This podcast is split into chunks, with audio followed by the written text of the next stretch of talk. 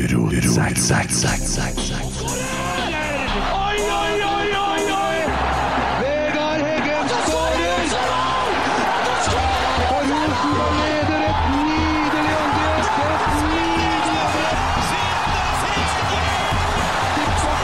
Vegard Heggen her. Se det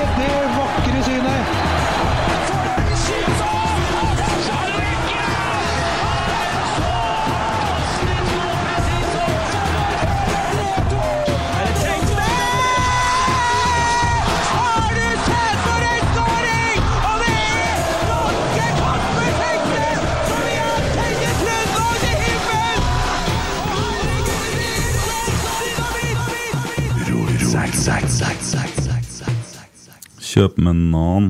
Det må stå én. Ja. Ok, det er viktig, da. Eh, Morsmelkerstatningen. hvis ikke så blir det jævlig lang natt. Ja, for Ja. noen. Ja. Hei, Pål. God dag. Grundig kar. Gjør ting to ganger. Ja, ja. Det, Vært på generalprøve tidligere òg. Og... ja, nei, det er viktig å stille forberedt, vet du, så da skal vi være i rute. Så det er fint å få gjort unna alt på én dag òg. Med Ja. respekt ikke at det er utrivelig, men uh, at da har jeg på en måte tatt den biten, og så Ja. har vi ferie når vi har ferie. Ja. Du er uten pappa her, da. Ja, det er jeg. Så det, her blir det Nå, nå gjelder det. Ja, altså, det jeg Unnskyld språket, faen meg feil å si. Han er mer ufiltrert enn meg. Altså. Bare så jeg det er sagt. Ja, ja, ja. Han er eh, Han kan eh, få folk til å sette mat i vrangstrupen på en familiemiddag. Det, Ja. det evner ikke jeg. Nå spiller du meg rett inn på noe her, da. Eh, maten i vrangstrupen. Vi hadde en eh, Bjørn Skjæran her. eh, og han fortalte en eh, episode Først fikk vi høre om uh, mor di og den historien der på banen. vet du Når at han eh, supporteren roper at han har kosa litt med mammaen din. Ja, oppe i Tromsø, ja. Ja. ja. Da fikk jeg svar. Han fikk dessverre at eh, jeg snudde meg så sa jeg ja, det var ikke all verden, hørte jeg. Ja. Ble det stilt. Men også øh, var det en ting til. Han nekta å fortelle hva det var for noe. Men det var en historie da, under en partnerlunsj. Og så spurte vi Ivar Kotteng Ivar Kotteng om dette òg. Og han nesten brakk seg når jeg nevnte det. uh, og nå er det mange som venter på den historien. da Eh, Så det vi trenger nå, det er at du forteller den vitsen. Vi. Det er ikke noe vits. Det er der, det er der folk har misforstått. Det er en sann historie. Det er en sann Ja, ja. historie. Enda bedre. Enda Ja. bedre. Ja, men nå er jeg spent, altså. Da, Ja, da gjør jeg bare sånn, jeg. Ja. Sånn, Da er jeg klar. Eh, gjør du rett i det. starter jo egentlig med at jeg og Mike eh, litt sånn på halsbretten fikk beskjed om at vi skulle være konferansierer på eh, julelunsjen med partnere. Ja. Der det er litt, litt sånn ordentlig setting, da. Og da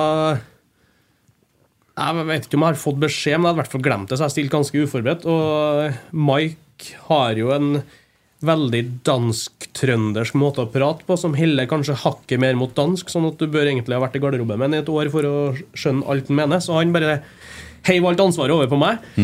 Og da tenkte jeg at ja, ja, det beste du kan gjøre, det er jo bare gå ut her. Går det til helvete, så går det til helvete. Ja. Og treffer du, så måtte jeg nå hele agendaen satt. Da, da vet du at da har du publikummet ditt. Og, Ja, ja, ja. så jeg har hatt en sånn go to-vits som jeg brukte å fortelle. eh, Og den følte jeg at jeg hadde brukt opp litt, så da må jeg, måtte jeg ta en historie som var sant. Og så tenkte jeg at den er litt i overkant. Men uh, jeg spurte Skjæran hvordan er gjengen som sitter her. Nei, det er, det er en blid gjeng og gladgjeng. Liksom, som når vi er på sånn partnerturer, så er det høyt under taket og uh, sene kvelder eller tidlige morgener eller alt etter som du ja, ja, ja. så da var det så enkelt som at det var et eh, kjærestepar fra Orkdalen. Tror jeg var en sånn 18-19 år. 20, kanskje. Som uh, nettopp ble sammen. Og det er jo den tida der du alt er fryd og gammen, og du driver og ja, utforske hverandre, da. På, eh, på på godt og vondt. eh, Stort sett på godt. eh, og så hadde de ei helg de skulle på hyttetur. Eh, eneste beskjeden de fikk da, på hytta til faren til hun, øh, hun dama, eller Veita, eller alt etter hvor 20-åring det er, Ja, du er dame, da. Så øh, fikk de med det eneste de kravet å ha med seg bikkja.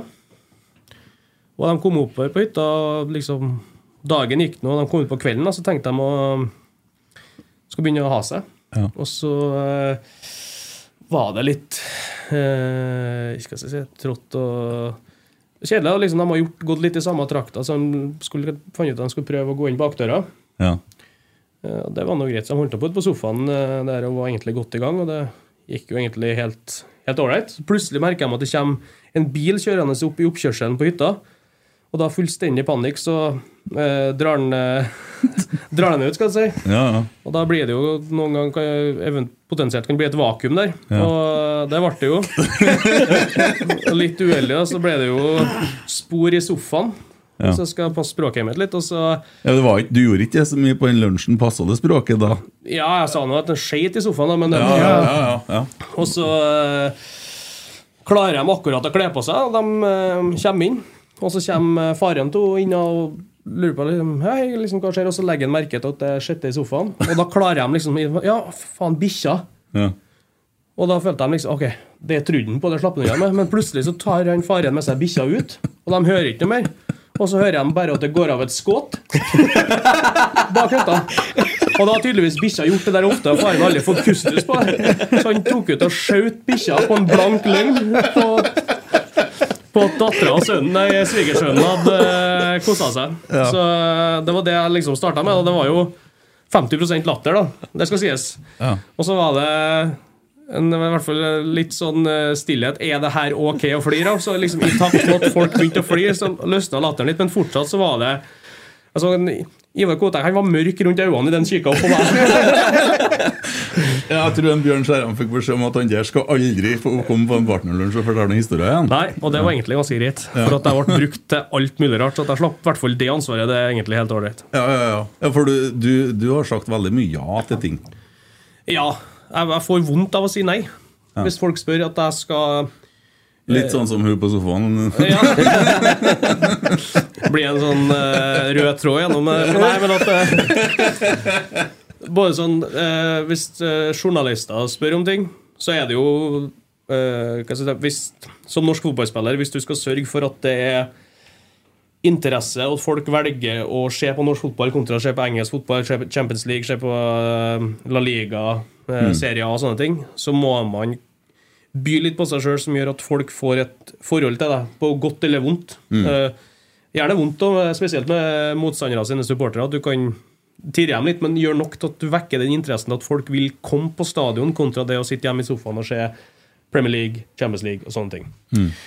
Og litt ansvaret bevisst har jeg vært, i tillegg til at jeg får veldig vondt av at journalister ikke får gjort jobben sin hvis jeg ikke gidder å svare dem. Og at jeg hindrer folk faktisk å gjøre jobben sin på noe som tar meg tre minutter, egentlig ikke koster meg all verden, og har lært meg å gi faen i at folk er uenige med meg. Mm, mm.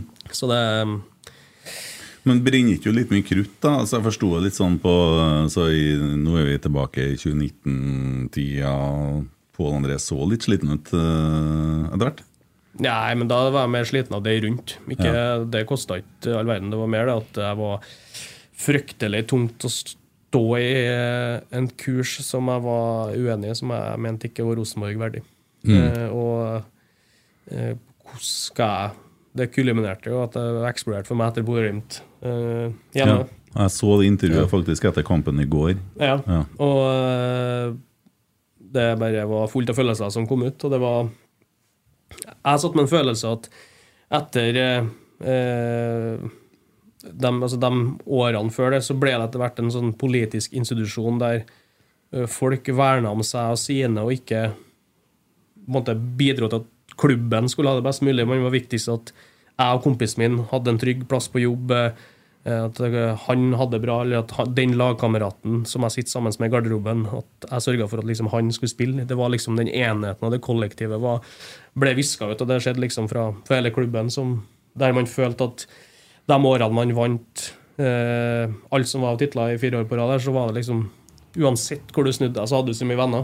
Så begynner du å tape, da, så føler du deg som verdens mest ensomme person. Eh, og at det er ikke det klubben skal være tufta på. Og alle som vet jo, eh, spesielt eh, etter eh, storhetsperioden under Nils Arne, som måte har skrevet en bibel på hvordan det skal være. og det er jo det kollektivet. Alle gode individuelle prestasjoner er et resultat av et kollektiv som fungerer ikke omvendt. Eh, og det ble litt glemt, eller veldig glemt, mener jeg. Mm. Og det gjelder liksom over hele organisasjonen. Jeg tror det var veldig mange som kunne assosiere seg med det du og Gjermund sto og snakka om etter den kampen.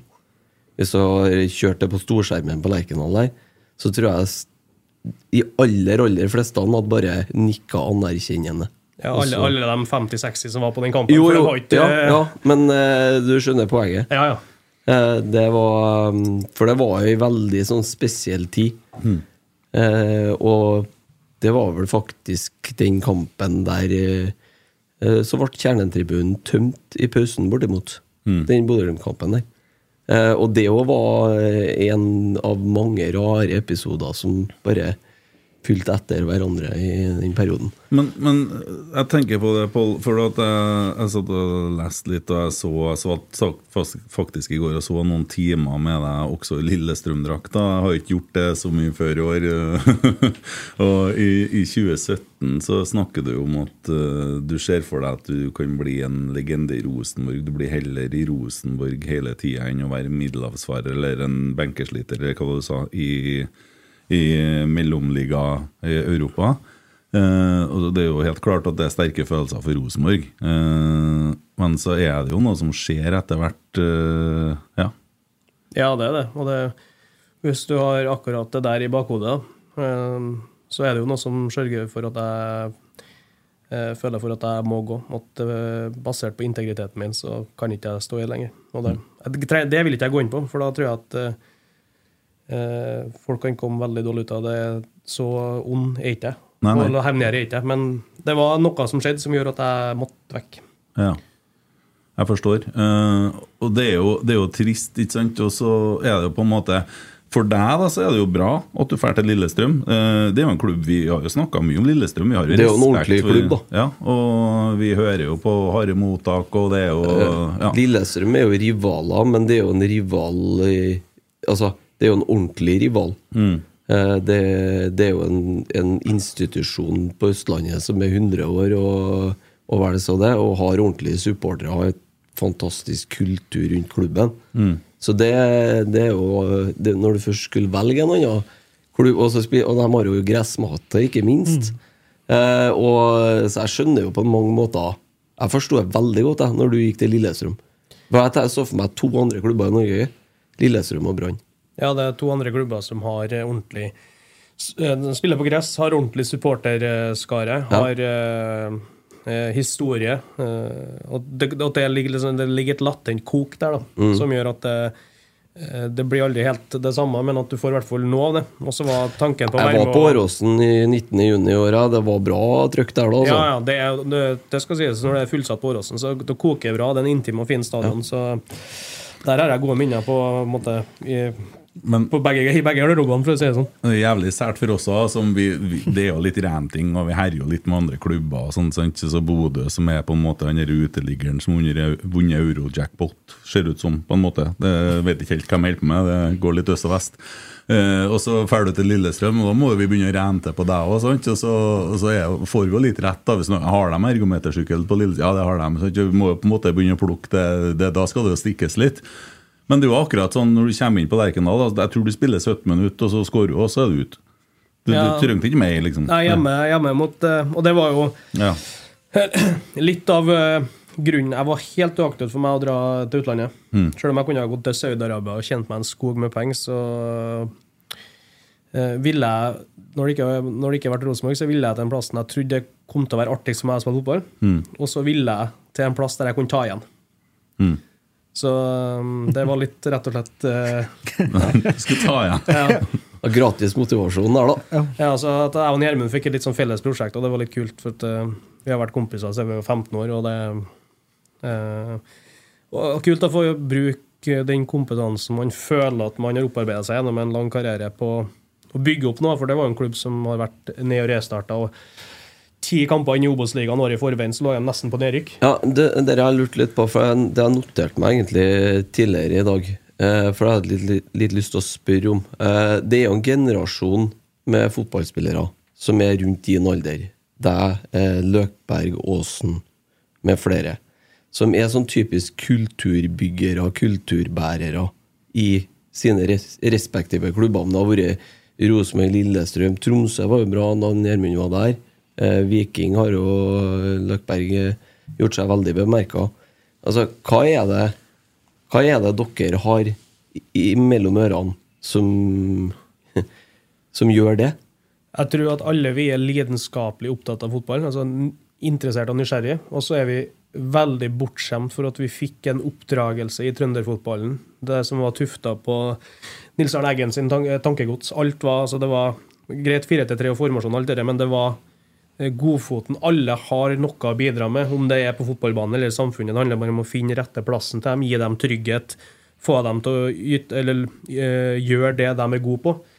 Og det har jo vært på fotballbanen. Alle som er i en garderobe, er gode nok til å være der. Det handler om å gi dem trygghet og slå ut i full blomst. Da. Hvis du på en måte møter eh, på jobb eller på trening hver dag med en forventning om at du skal få av alle, så starter du feil ennå. Du må starte med at du må komme på trening og gi av deg sjøl, og da får du igjen med tigangen. Så det har uansett hva vært han prøvd å eh, kommunisere ut, da, viktigheten av det. så jeg eh, Eh, alle garderobene har vært, har vært veldig godt miljø i, god tone.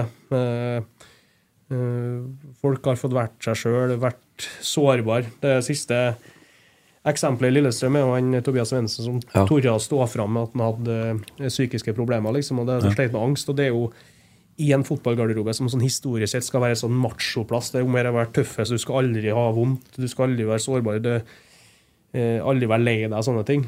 Så var det Jeg tror du han har torsa det i en kall det litt giftig garderobe? da? Det tror jeg ikke. Nei. Så det er, for- er sånn, jeg blir veldig stolt på hans vegne, for det er veldig tøft gjort. Og så ble jeg litt stolt over at du klarte å skape den tryggheten i garderoben, og at han valgte å gjøre det. For at det eh, og det er ikke bare i en fotballgruppe. Det der er veldig overførbart til alle arbeidsplasser. Mm. Ja, det er, det er jeg helt enig i. Uh, og det, det jeg mener har fått med meg, da, at Gjermund han bodde hjemme til Gjermund i en måneds tid. Ja, Gjermund han fikk et tilbakefall i sommer òg, eller i vår. Og da tok han Gjermund og tok han med inn. Bodde hjem til han, sørga for at hver dag så var Gjermund som vekk den med en kopp, kopp kaffe på senga. Ja. eh, Så at han fikk en veldig god, trygg og gjenkjennelig start på dagen. Og var mye med han og laga middag. og nå er ikke Gjermund noe sånn kulinarisk eh, sånn opplevelse på kjøkkenet, for han er jo ikke glad i løk, og det er en ganske vesentlig ingrediens i mat. Men eh, tanken bak det og den tryggheten det gir, det det er helt fantastisk. Og det er bare å vite hvor eh, en fantastisk type Gjermund er. Altså, han, han bryr seg så veldig mye om dem rundt seg, og det er ikke noe påtatt, det er veldig naturlig. Ja. Nei, men det det er veldig godt å høre. Det står utrolig stor respekt av det der, og vi har jo snakka en del om det. Uh, I forhold til det som skjer uh, når en spiller velger å gjøre det. og som, som eh, det jeg bruker å si, altså Én ting er at vi, samfunnet har kommet dit at vi på en måte snakker om åpenhet, men så er det noe med den andre biten at når først noen er dårlig, så er det sånn at du snakker om den machokulturen der du, du får nesten beskjed om å skjerpe deg, for folk vil egentlig ikke ha det. De, det er greit at du er åpen, men kom ikke her og vær syk. Nei, nei. Men her er det en person som er syk, og så blir den møtt på følelsene sine der den står. Og det er, det, er en, det er en kunst å få til å gjøre. Og det er jo det dere gjør, da, som du beskriver. Ja, og så er det Han er jo Jeg kjenner jo Det er det som er før han sto fram så tenker du at hvis du kikker i en garderobe, han er den siste fyren som skal ha, ha vansker inni seg, liksom. For han er så blid, og virker, alt virker så ubekymra og sånn. Men eh, Og det ble jo litt Måten vi prata om det med han, at det ble litt sånn naturlig å ha litt galgenhumor på det, og, som han syntes var en veldig grei måte å gjøre det For at da uh, ufarliggjorde det litt eh, overfor så, oss i garderoben, som han var tryggest på. Med at vi hadde galgenhumor og kødda litt, men det gjorde at det var enklere for han å snakke med dem i garderoben som kanskje ikke omgikk så mye. da. Så nei, han, han er en veldig, veldig veldig fin gutt. Så håper at han får orden på det, for han er en ganske spennende fotballspiller og som har, eh, har mye med seg. Ja. Vi så jo, så jo noe lignende med han, som, han finnen som var i Molde. Han eh, ja, valgte vel å avslutte livet her for noen uker siden. Ja. Eh, Spiller i var det Viking som la opp for ikke så lenge siden. Eh, og det er jo klart at det er jo et problem, og i min verden så er det å få en mental strekk like naturlig som å få en fysisk strekk. Og fordelen din, da, eh, som har vært sånn skadeplaga som du har, det er jo at det er synlig. Ja, ja. Du blir jo gipsa eller går på krykker eller sånne ting. I forhold til folk som sliter sånn, Ja, så er det ikke synlig. sant? Nei, det er ikke og det, og det er veldig vanskelig å uh, diagnostisere. Mm. For det blir uh, Jeg tipper da du har det, så lærer du deg å formulere deg, prate deg på en måte ut av det, for du vil ikke da, hvis, Med mindre du vil Du har tatt mot og er trygg nok til å stå fram om det, så prøver du alltid å dytte de følelsene unna, eh, både ligge deg sjøl og ligge til omverdenen. Og da men det kan du ikke gjøre hvis du har knekt foten. Da Nei. vises det på et røntgen. Liksom, ja, men det, sånn, jeg har jo vært i den, på den sida der, og jeg fikk jo en diagnose tilbake i 2014. øh, og tenkte med meg sjøl at det her skal jeg behandle som en idrettsskade. Jeg skal, jeg skal gjøre det som skal til. Det tok en del år, faktisk. Medisin, behandling osv. Og, så videre. og så var det liksom det skal jeg øve på, det skal jeg øve på. Akkurat samme måten som du trener på, men det tok jævlig lang tid. Og nå er det da bort. da og så Man skårer null på screeningene. Men jeg tror det er et stykke igjen til at på en måte det blir anerkjent som at det burde ha vært sånn. Og jeg, jeg har litt sånn trua på det. Og det er jo klart at da tenker jeg sånn med han Tobias òg, at jeg håper på en måte han har et opplegg, en struktur og en plan bak det, sånn at han jobber eh, med det på den måten som er tilpassa han. da. Ja, han gjør det. Han har De siste månedene så har han vært hjemme i Romsdal og blitt eh, i, i byen vi ikke prater om. Og eh, blitt fulgt opp av en eh, spesialist der og vært hjemme i trygge rammer til familien sin. Og, og han, så har han jo noe som jeg tror er veldig sunt. Nå er han- jo bortskjemt med en fotballspiller, så det å trene er naturlig, men det er, er veldig bra for hodet til folk uansett. Ja. Det å bare få mosjon og bli litt sliten fysisk, Mm. men på en sånn måte at du henter deg igjen på en time eller to, det er bare bra for det, det mentale systemet. Ja, det er det. Det skaper balanse. Eh, Så det er vel sånn som jeg vet, så er det tre ting du behandler psykisk lidelse med. Det er jo, det er jo samtaleterapi, medikamenter og fysisk trening. Det, og det er gjerne alle de tre tingene blir, kan bli veldig bra. Ja. Folk er jo veldig redd for medikamenter, men det er faktisk eh, også laga for gode formål. Da. Så ja, eh, ja, byen vi ikke snakker om, så er det litt artig. Vi har jo hatt et prosjekt på gående på eh, et par år her nå. hvor Vi holder på å meisle løs da. eh, Molde fra resten av landet og skal flytte utover. Nå har vi jo fått sendt Magne Hoseth, og så har han tatt med seg en kar til nå. Daniel Berg Hestad. Ja, og de står jo nå og venter på å få det over dit, da. Så det blir jo en del av den ligaen etter hvert. Så det, det, det løser seg, men det er klart det tar litt tid. De er jo litt forut, de. Det er jo litt synd, for det er jo det deiligste laget å slå. Så det, Ja. jeg føler at man må ha dem her, og så må man tåle at man får seg et ordentlig, en ordentlig en over naskegravet i ny og ne. det er så mye det er så lenge imellom nå, vet du. Det er så deilig å Jeg har ikke kunne tenkt meg hvert øyeblikket der jeg planta flagget i midtsirkelen foruten. For å si det Nei, sånn. ja, ja, ja, jeg ser den, ser den. Var det planlagt, den? Nei, det var impulsiv. Det var eh, eh, Jeg kom på det i farten da jeg sto med ei halvdrukke sånn champagneflaske. Ja. Eh, og så ser jeg ei lita jente som spør pent om drakten min. Hun hadde et sånn lite Rosenborg-flagg. Så sa jeg vet du, vi kan bytte. Du kan ta drakten min, og så tar jeg det flagget ditt. Og så gikk jeg mot midtbanen og tenkte jeg at det forbanna dumt å la når vi er første seriemester, la dere champagnen gå til å spille. Så jeg bånda jo i meg den her. Ja, ja. Og idet jeg var ferdig, så snur jeg flaska, så står det 0,0% alkohol. Det, det, er ikke lov til alkohol Det er ikke lov til alkohol på banen på idrettsarrangement, så da eneste jeg var at jeg gikk og rapa og var full i magen. Liksom. Men jeg fikk jo planta flagget, da. Det var, eh, det var artig. Det var da var ikke jeg noen populær mann i der, altså. Nei. Det, det, det smerta. Jeg snakka med en, uh, Ruben Gabrielsen, han er jo Lillesund-gutt og trener med oss i ferien og sånn. Så han, han sa at det der plaga han i fem år etterpå, at det eneste han hadde lyst til, var å ta meg, liksom. Og det, da traff jeg. Ja, ja, ja. Det er godt. Ja, og sjøl om du drakk alkoholfritt da, så hjelpa han pappa til litt på heimturen der. Ja, han gjorde det. Vi hadde jo litt i bussen. Og så idet vi eh, kjørte kjørt av ferga, så ble jeg vinka fram av Kåre og Erik. Så tenker jeg Farsken, var det så ille, det der flaggplantinga, at jeg skal få meg litt sånn ei utsje eller noe? Nei, men da var det at vi De merka at vi begynte å gå tom for drikke. Og om jeg hadde noen kontakter eh, på Hemne. Ja. Og Erik har jo hatt eh, pappa som trener, så han vet jo at da er det stort sett tilgang. Pappa som er murer og murer seg et eget barskap eh, og bar, så det, det skal være mulig. Og så eh, har vi naboene som driver eh, det lokale hotellet og uteplass. Så at det var mulig å få, eh, få øl da, for dem som ville. Så det var, Erik ville ha konjakk, Kåre ville ha rødvin. Spillerne ville ha blanding av eh, øl, og så dem som ikke liker øl, de ville ha vodka Red Bull, og så kom det leveranse på Vinnøra. eh, En Ja, kasse med som bortimot var tom før vi dundra ned i Nordre. Så det var, det var en fin busstur, det. Ja.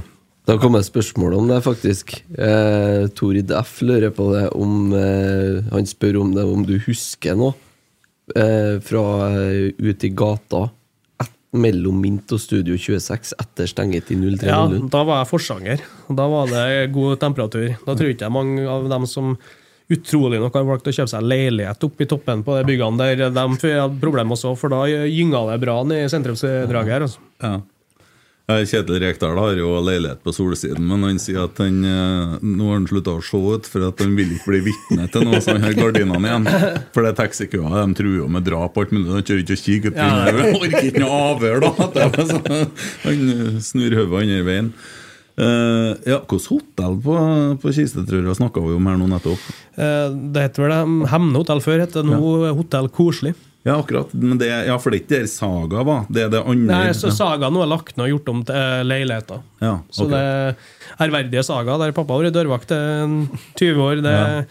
eksisterer ikke lenger. Så det, det hotellet, så er det en spiseplass som periodevis er nattklubb, eller, natt, eller åpent på nattestid. Ja, for jeg var ned på hotellet der og spilte på en pub. Ja, ja, den lille på puben, som det heter. Ja. Den er i ny og åpen. Jula bruker den stort sett å være åpen. Ja, ja. Ron, det Ronny jeg- Aunhaug som drev når jeg var der. ja. Vet, vet hvem det er? Ja, ja. og vi sto og spilte, og det var herret nå er vi på 2000. Jeg rockestjerne da. Altså. Ja. Ja.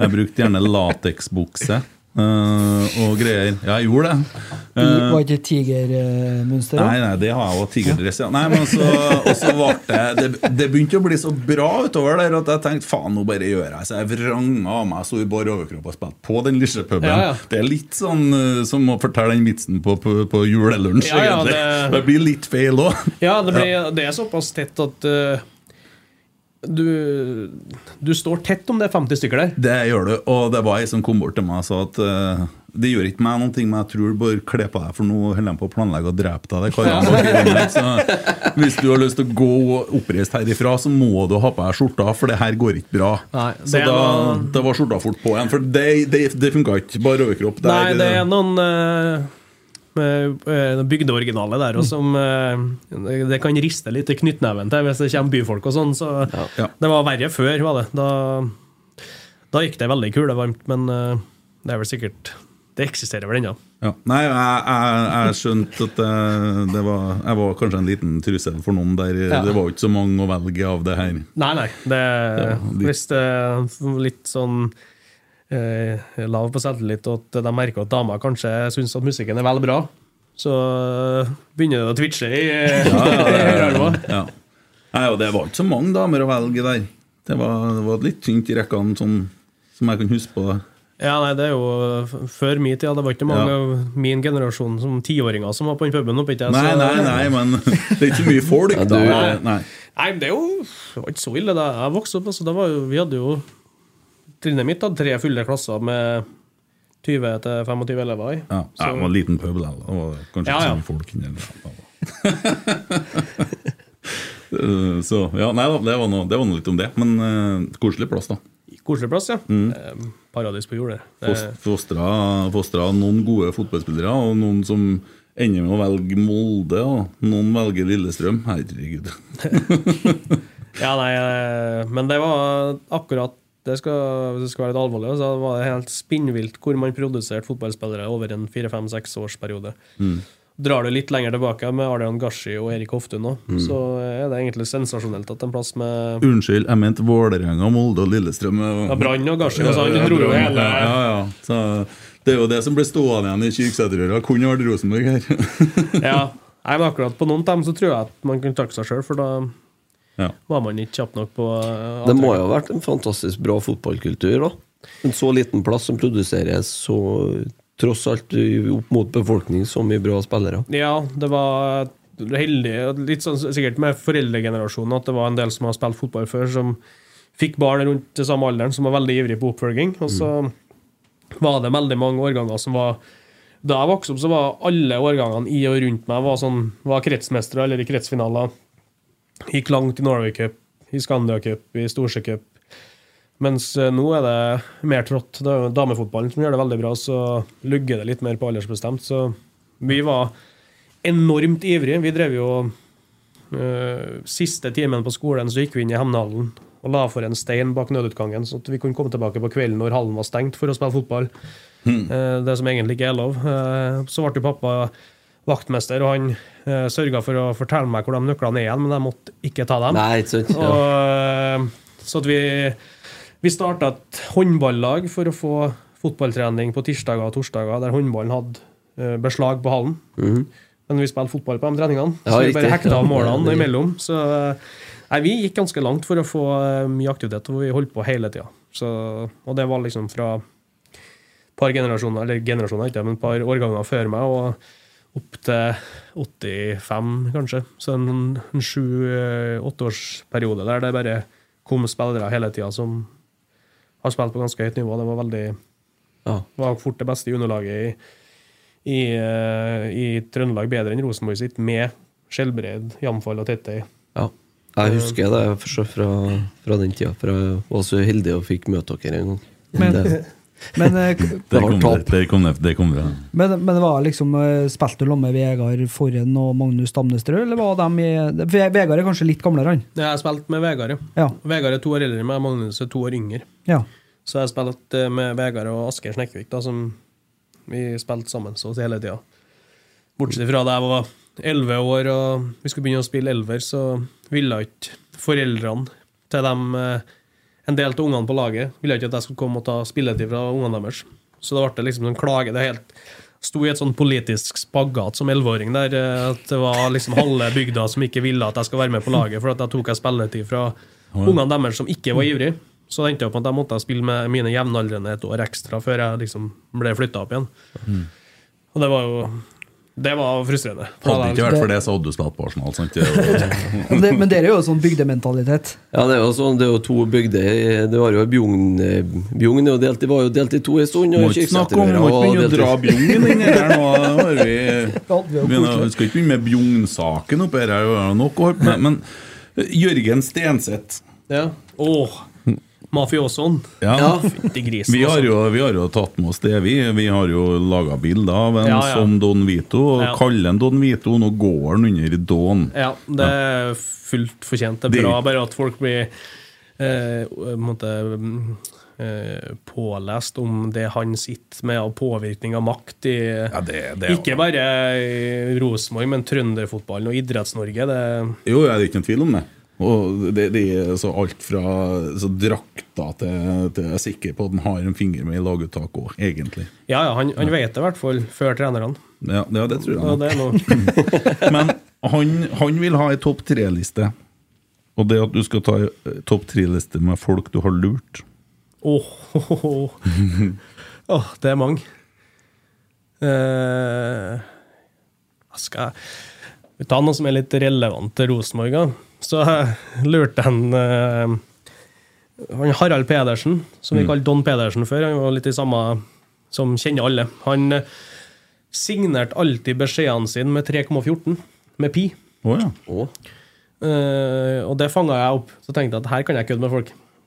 Så har vi en sånn tavle i garderoben, tror det her var sånn 2013 eller 2014, som det var ofte beskjeder da, hvis det var noen sånn at uh, uh, Tore må på må på shoppen, det skal signeres en drakt eller et eller annet. Så skrev, var jeg først i garderoben. Eh, før frokost så skrev jeg Eh, Tore eh, og Jørgen skal ved å ta bilder av den nye draktkolleksjonen og supporterkolleksjonen på shoppen. Møte ferdig skifta i fullt draktsett og fotballsko. Signert Harald 3,14. Og så gikk jeg og spiste frokost, og så kom vi tilbake, og så hører jeg at Tore og Jørgen har kommet før meg. Så faen, altså, må vi gjøre det driten her nå? Liksom, jeg hadde ikke lyst til å stå bortpå her som en klovn, men ja, greit, vi må nå gjøre det, det er jo en del av jobben. Så de kledde på seg fullt draktsett fra topp til tå. Gikk bort på RBK-shoppen på en lørdag, som det var sikkert litt folk. og dem, ant, og dem, dem som jobber her, ante ingenting. Og de sto ja, vi er klare, vi, hva skal vi gjøre? Nei, dere skal jo ikke gjøre noe, liksom. Eh, Så eh, Og jeg er jo sånn eh, Herregud, jeg har jo lurt folk Eh, ganske mye, men kanskje om jeg kommer på Jeg lurte en John Shibbyke. For det var en sånn telefon Sånn te- SMS-tjeneste. Der du kunne sende inn melding. SMS King heter den. Ja, jeg tror det, sånn at det kom opp avsender. Ja. Og så var ikke noe link, så det bare var, det, og av en eller annen merkelig grunn så datt det inn i meldingene du hadde fra vedkommende fra før, hvis det stemte med det navnet det var lagra som. Oh, ja. Og da var jo Erik Hoftun uh, spor, sportsdirektør. Så var jeg på treningsleir på eh, var det Marbella. Og så satt vi i en sånn hotellobby, og så sendte jeg melding da, til en Chibuike fra, fra Erik Hoftun at eh, um, Sorry to inform you, John, but we have sold you to Kasakhstan. og ser John leser meldinga og blir liksom boble, han blir svett. Og så ringer han agenten sin. What the fuck is this? I'm gonna insult Hoftun! Where is he? I'm gonna take him! I don't, I don't wanna go there! Og, og, og holder på der, så sier jeg hva er det som har skjedd? Hey, the fucker he sold me to Kazakhstan! Så sier jeg du må jo, det er noe du kan si sjøl, da. No, it's already done! Look! Og så fikk jeg tak i en hofte etterpå og starte her, og så endte den opp eh, nedpå her. De skjønte at eh, For da knakk jeg sammen, og da begynte jeg å flire, så det eh, Sang etter. Og det siste gang jeg tar det, det er en utenomsportslig eh, kødd. På, I samme gata med de telefongreiene. Så hadde vi, Da vi var 18-19 år, så var vi Vi hadde en som drev og spilte litt poker. Og så syntes vi det var artig å spille live, da, så var vi var det et eller sånn i en låve på Lundamo, og sikkert lagt ned noe sånt, ingen som bryr seg, men da var, det litt at det var mulig å spille ganske høyt, og det var ulovlig, ulovlig på den tida her.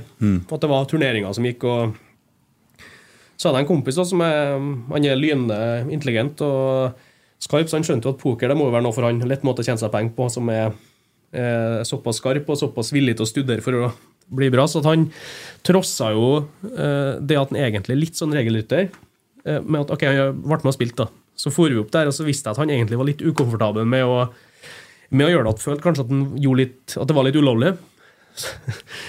Så sendte jeg en melding da, fra politiet om at i forbindelse med vår opprulling av ulovlige pengespill dukker ditt navn opp ved gjentatte anledninger. Du bes herved komme inn til avhør, og så bare tok jeg en sånn vilkårlig dato tre-fire måneder fram i tid. Og så tenkte ikke jeg ikke mer over det, for jeg hørte ikke noe mer fra han. Så jeg regna med at hvis han hadde blitt lurt, så hadde han kommet til å Faen, Pål, hadde du fått melding, liksom? Så hørte ikke jeg noe. Og så var han, var han eh, På sommeren da, så hadde søstera til han jobba på Hundrefossen, så han begynte å være på sommerarbeid der. og da hadde han på den datoen da, som eh, jeg hadde glemt at jeg hadde sendt den på den meldinga, så hadde han liksom stasa seg opp, hadde på seg finstasen, kjørt oppover. Fra Hunderfossen. Ja, ja. Kjørt dundra oppover hele Gudbrandsdalen, over Dovre. Møtte opp ned på Trondheim politikammer, presenterte seg med fullt navn og sagt at han skal i avhør for ulovlig pengespill. Fantes ikke i arkivet. Og da han visste dem etter hvert SMS-en etter å ha gått rundt fra et par kontor. Og da sa de at vi- sender ikke ut en vilkårlig SMS. Vi liksom, da får du et brev eller noe ordentlig innkalling. Er en telefon eller sånn. Men han sto da, så, og så, men så sa han sånn Men er det noe du har lyst til å innrømme? og så som det ikke var nok, så på tur nedover Så hva kan det her være? da? Det kan være 2008 eller eh, 2010, var det. Ja. Eh, VM i Sør-Afrika. Så skulle han levere en bong, for han mente han hadde en klar vinner i, i Så han stoppa på en eh, butikk på tur nedover. For han, eh, skulle, han rakk akkurat den neste der de kunne levere en kupong. Mm. Rakk ikke å levere det. Ble akkurat ett minutt for seint. Fly forbanna, hiver seg ut, bånn pedal.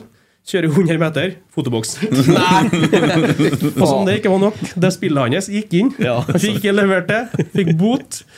Fikk en bomtur til Trondheim. Og jeg fikk jo dårlig samvittighet, for jeg hadde jo glemt det. Ja, ja, ja. Men han så, På en måte så fikk jeg jo veldig valuta for den, eh, den spøken. ja det, fikk, det dro ut liksom ganske mange. Ja, Ja. det var Nei, godt jobba. Du, du liker litt sånn og holder på en del sånn, altså? Ja, jeg liker litt sånn Sånn uh, practical jokes. Jeg lurte jo en uh, Da Horneland og Embeland tok over, så var det jo en ny sånn eurosportjournalist Ja. som var veldig veldig, nesten litt sånn æresfrykt. Han sto og intervjua, så merka jeg at han her var usikker. Og han der kan egentlig han er kapabel til å tro på hva som helst. og så spurte meg ja, hvordan blir det under de nye trenerne. Hva blir det? Dette har jeg kjempetrua på. De skal prøve meg som midtstopper. Hæ? Ja, ja. Altså, prøv, så solgte jeg det inn da, med liksom som, nei, sånne ting som er sant. Med at uh, jeg har pasningsfot, så jeg kan stå og slå i hele banen og sånne ting. Å ja, det hørtes jo spennende ut. Og så satser vi på at vi er så gode offensivt at jeg ikke blir avklart på defensivet. Og han, vet du, trykka sak. jeg skal midtstopper. der Sjefene lurer på hva faen du holder på med, blir lurt. det var- Men eh, nei, jeg, jeg syns det er litt artig å holde litt helvete med folk, det, så lenge det ikke går utover noe. Nå gikk det jo utover økonomien til stakkars Asle, som er barndomskompisen min. Han har jo Casha hun litt der, eller? eh, Nei, men vi har, eh, vi har hatt mye artig i hele livet. For vi, vi flytta til Trondheim da vi var, var 16. eh, Han starta på KV til han spilte på, på juniorlaget til Strindheim, og begge var vært på kretslaget. Han var keeper, da. Mm. Han hadde jo jeg må Ta med samme innpå han, da. Vi gikk på ungdomsskolen, så eh, Han etter, etter hvert ble ordfører. Eh, han var læreren vår, gymlæreren, og læreren hans, klasseforstanderen hans. Så ble han ordfører, så han fikk permisjon fra jobben som lærer. Og da gikk vi tiende, men han bodde rett ved sida av skolen. Og så hadde han en hund som gikk fritt i inngjerdinga, så vi gikk forbi hver gang vi skulle på lunsj. Så gikk vi jo på en lokal butikk og kjøpte oss noe mat. Og da sendte jeg et brev til læreren, som het Ståle, fra Asle, med at eh, han eh, visste ikke hvordan han skulle gjøre og hvordan han skulle håndtere det, men han måtte bare for, fortelle at han hadde varme seksuelle følelser for den, for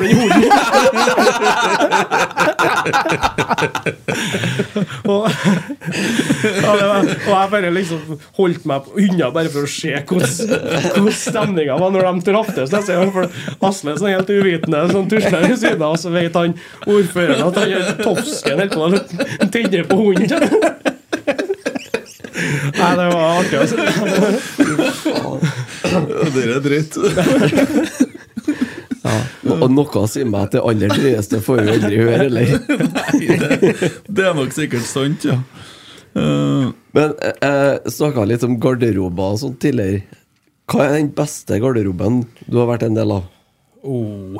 vanskelig spørsmål nå. Det er Noen blir fornærma, kanskje? Ja, nei, det tror jeg ikke noen blir fornærma, men den uh, Altså, det er vanskelig å si. Men eh, alle, nesten alle de årgangene vi vant i Rosenborg, i hvert fall 15, 16 og 17, så var det veldig eh, Veldig god stemning.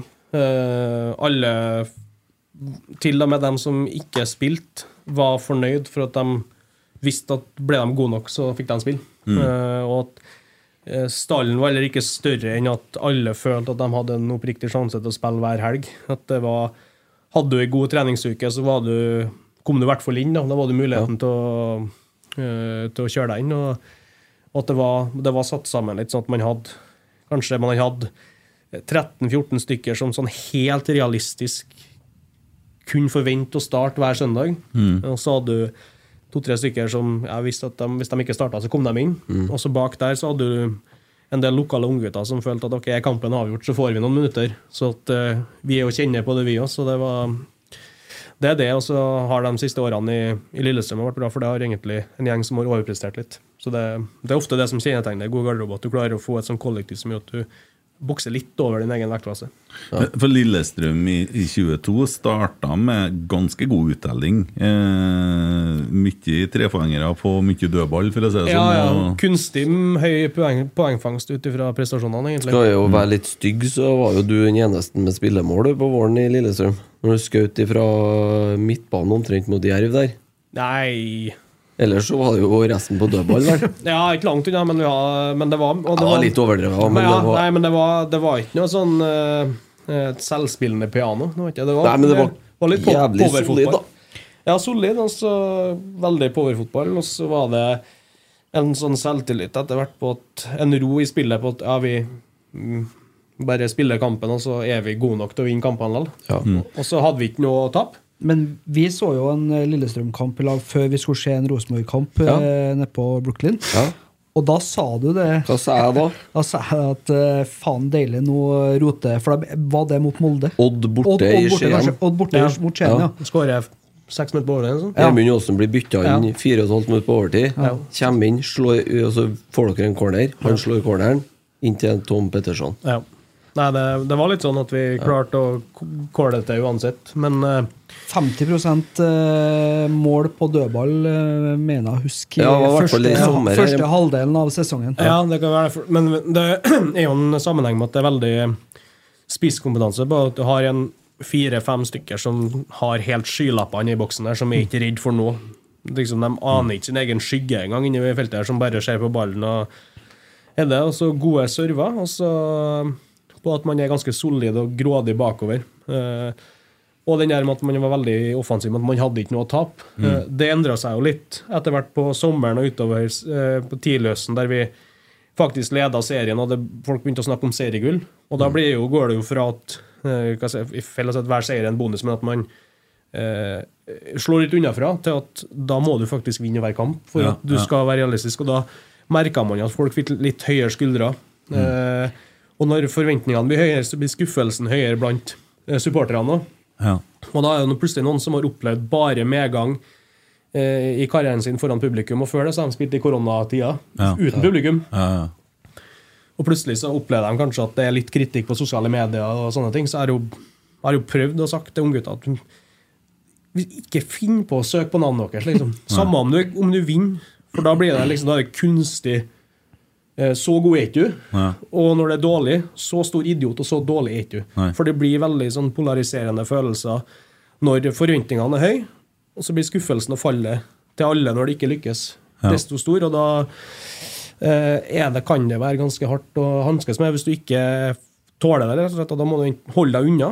Eller også hvis du tåler ikke drive og søk, eller oppsøke forum og sånn. Det er det dummeste du gjør som fotballspiller. Ja, ja, der er det Det er mye rart, eh, på både godt og vondt. Jeg tror Ole Sæter kan ha forelesninger i idrettsverden senere om, om sånne ting. Jeg tror han er ganske hard på å lese. Uh, Ja, Sier han ikke gjør det, men jeg tror han gjør det. Jeg tror han gjør det.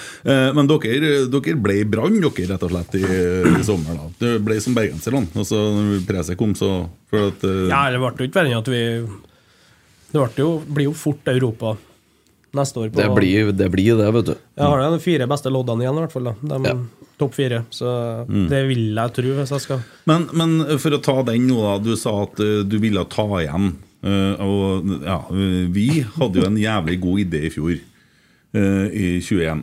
Vi skulle spille inn livepod mens kampen mot Lillestrøm gikk på Lerkendal. Så vi sto på medieavdelinga, der du har vært mange ganger på.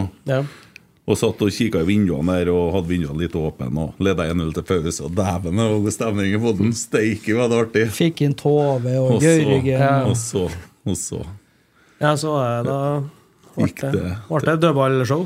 Ja, ja, det gikk til helvete. Det, det var så mørkt, det. Eh, det fy faen, det var tungt. Hvis du vil høre en mørk pod, så kan du skru på eh, Slå, hør, siste- hør fra andre gangen. Ja, Eh, rundt 70. Men men du ville ta igjen mot Rosenborg, sier du. Men hvordan er dere der nå? Har du tatt igjen nå? Er Ja, ja, ja. Og det var ikke nødvendigvis på klubben. Nei. Det kan jo være enkeltpersoner. Ja, men du er ferdig med det nå? Ja, ja. Hvor altså, hvordan, når du er da som liten gutt reiser til Lerkendal for 150 kroner fra Kirkeseterøra og for å se eh, Rosenborg og har vært så glad i klubben, en tur innom Hødd og Byåsen og Ranheim, men, og litt Fifa, har jeg skjønt. Mye Fifa. Du var jævlig god i Fifa. Ja, og topp tre i verden da, i 2009, og det er ikke forenlig med å være god fotballspiller. Ble det litt burger og pizza den tida? Var litt Ja, ja, det som uh, pappa sa det på podkasten i morges, at uh, det var vel da jeg var mest lik han. Ja. Han er 140 kilo og er 96 høy, så Ja. alle har vært så like han som jeg var i, som 19-åring. Du var stolt, han. da. Gutten min. Nei, men det var mye, mye eh, Fifa-turneringer. For jeg var jo den eneste av kompisgjengen i byen som hadde egen leilighet, så det ble jo et sånn naturlig samlingspunkt. Ja. Blandinga at jeg var jeg syntes det var trivelig, så var jeg litt for snill òg. Det var enkelte ganger at jeg merka at det har ikke jeg lyst til, men jeg har ikke samvittighet til å sende dem hjem for at jeg skal sove. Og så gikk det egentlig greit. Du, første liksom par ukene så merker ikke du mye at du sover mindre.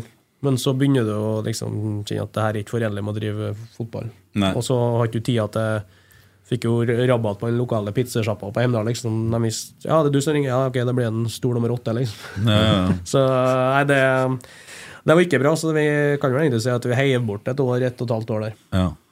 Du ser jeg er god i Fifa. Ser hva som er best i Fifa her. Ja, nei, det Har du Fifa ennå?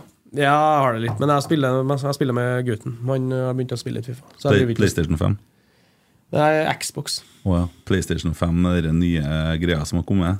Ja. Helvete, Det er tøft, altså. Ja, det er ikke, Men hvis du er vant med sånn Xbox, så er du jo forstyrra fra før. Da, for ja, men det er, det er jo ganske likt de spakene, så det er ikke Nei, for det der den moden som kommer når du har scora, sånn, så kommer det noe sånn eh, Ja, det er jævlig kutt. Ok, det må jeg, Ja, jeg, må jeg prøve. Men, Jeg har prøvd det på ordentlig, land, så det er ikke sikkert det er så spennende. jeg har gjort et par sånne Fifa-mål eh, mot uh, den cupfinalen. Det var Det husker jeg leste i går.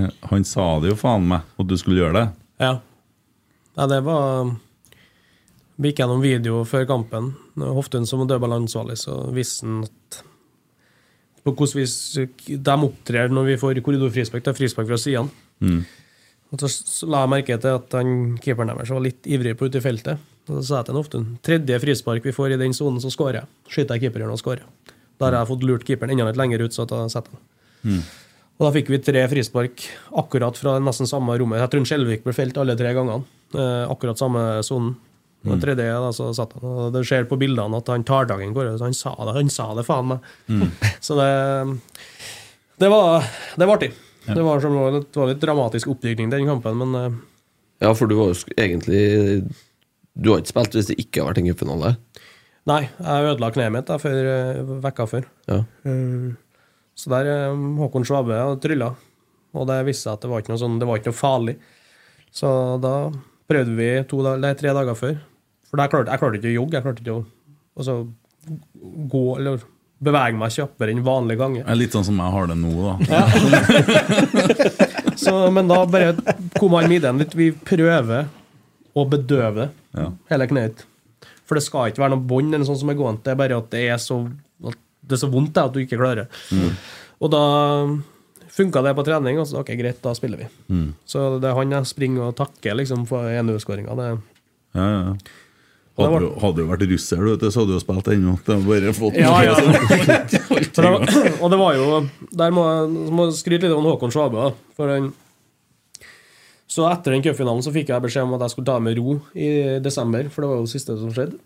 Eh, skulle møtes igjen i januar eh, og ha overskudd og være frisk og rask. Så starter vi å trene, og så det, det kneet så jævla vondt at jeg klarer ikke.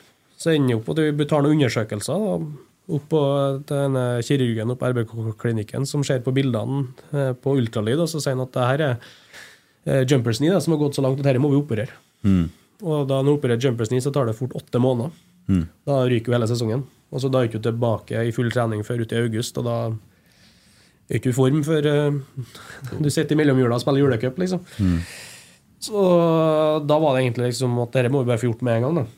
Men så sier Håkon at han kan umulig ha jumpers knee. Han har ikke, jumpers knee er en belastningsskade. Han har, ikke vært, han har vært helt uten belastning den siste måneden. Så da var vi på treningsleir på Gran Canaria, og så sier Håkon at jeg tror vi prøver en ting. Vi skal gjøre det som er absolutt vondest, og det det siste du kan tenke deg. Det er liksom Hoppe i trapper, springe i fjellrøysa opp på sånne høye steinfjellene på Kanariøyene. Eh, Men vi skal bedøve kneet hver morgen så du ikke kjenner. Men da får du bevegelse liksom, og trykk i kneet som gjør at det blir litt blodinnløp. der. Og 14 dager så var jeg tilbake i full trening. Og heldigvis overstyrte han kirurgen, for da hadde det vært åtte måneder og egentlig hele, hele sesongen som har gått. Ja, så det er det jeg burde prøve. Ja, ja.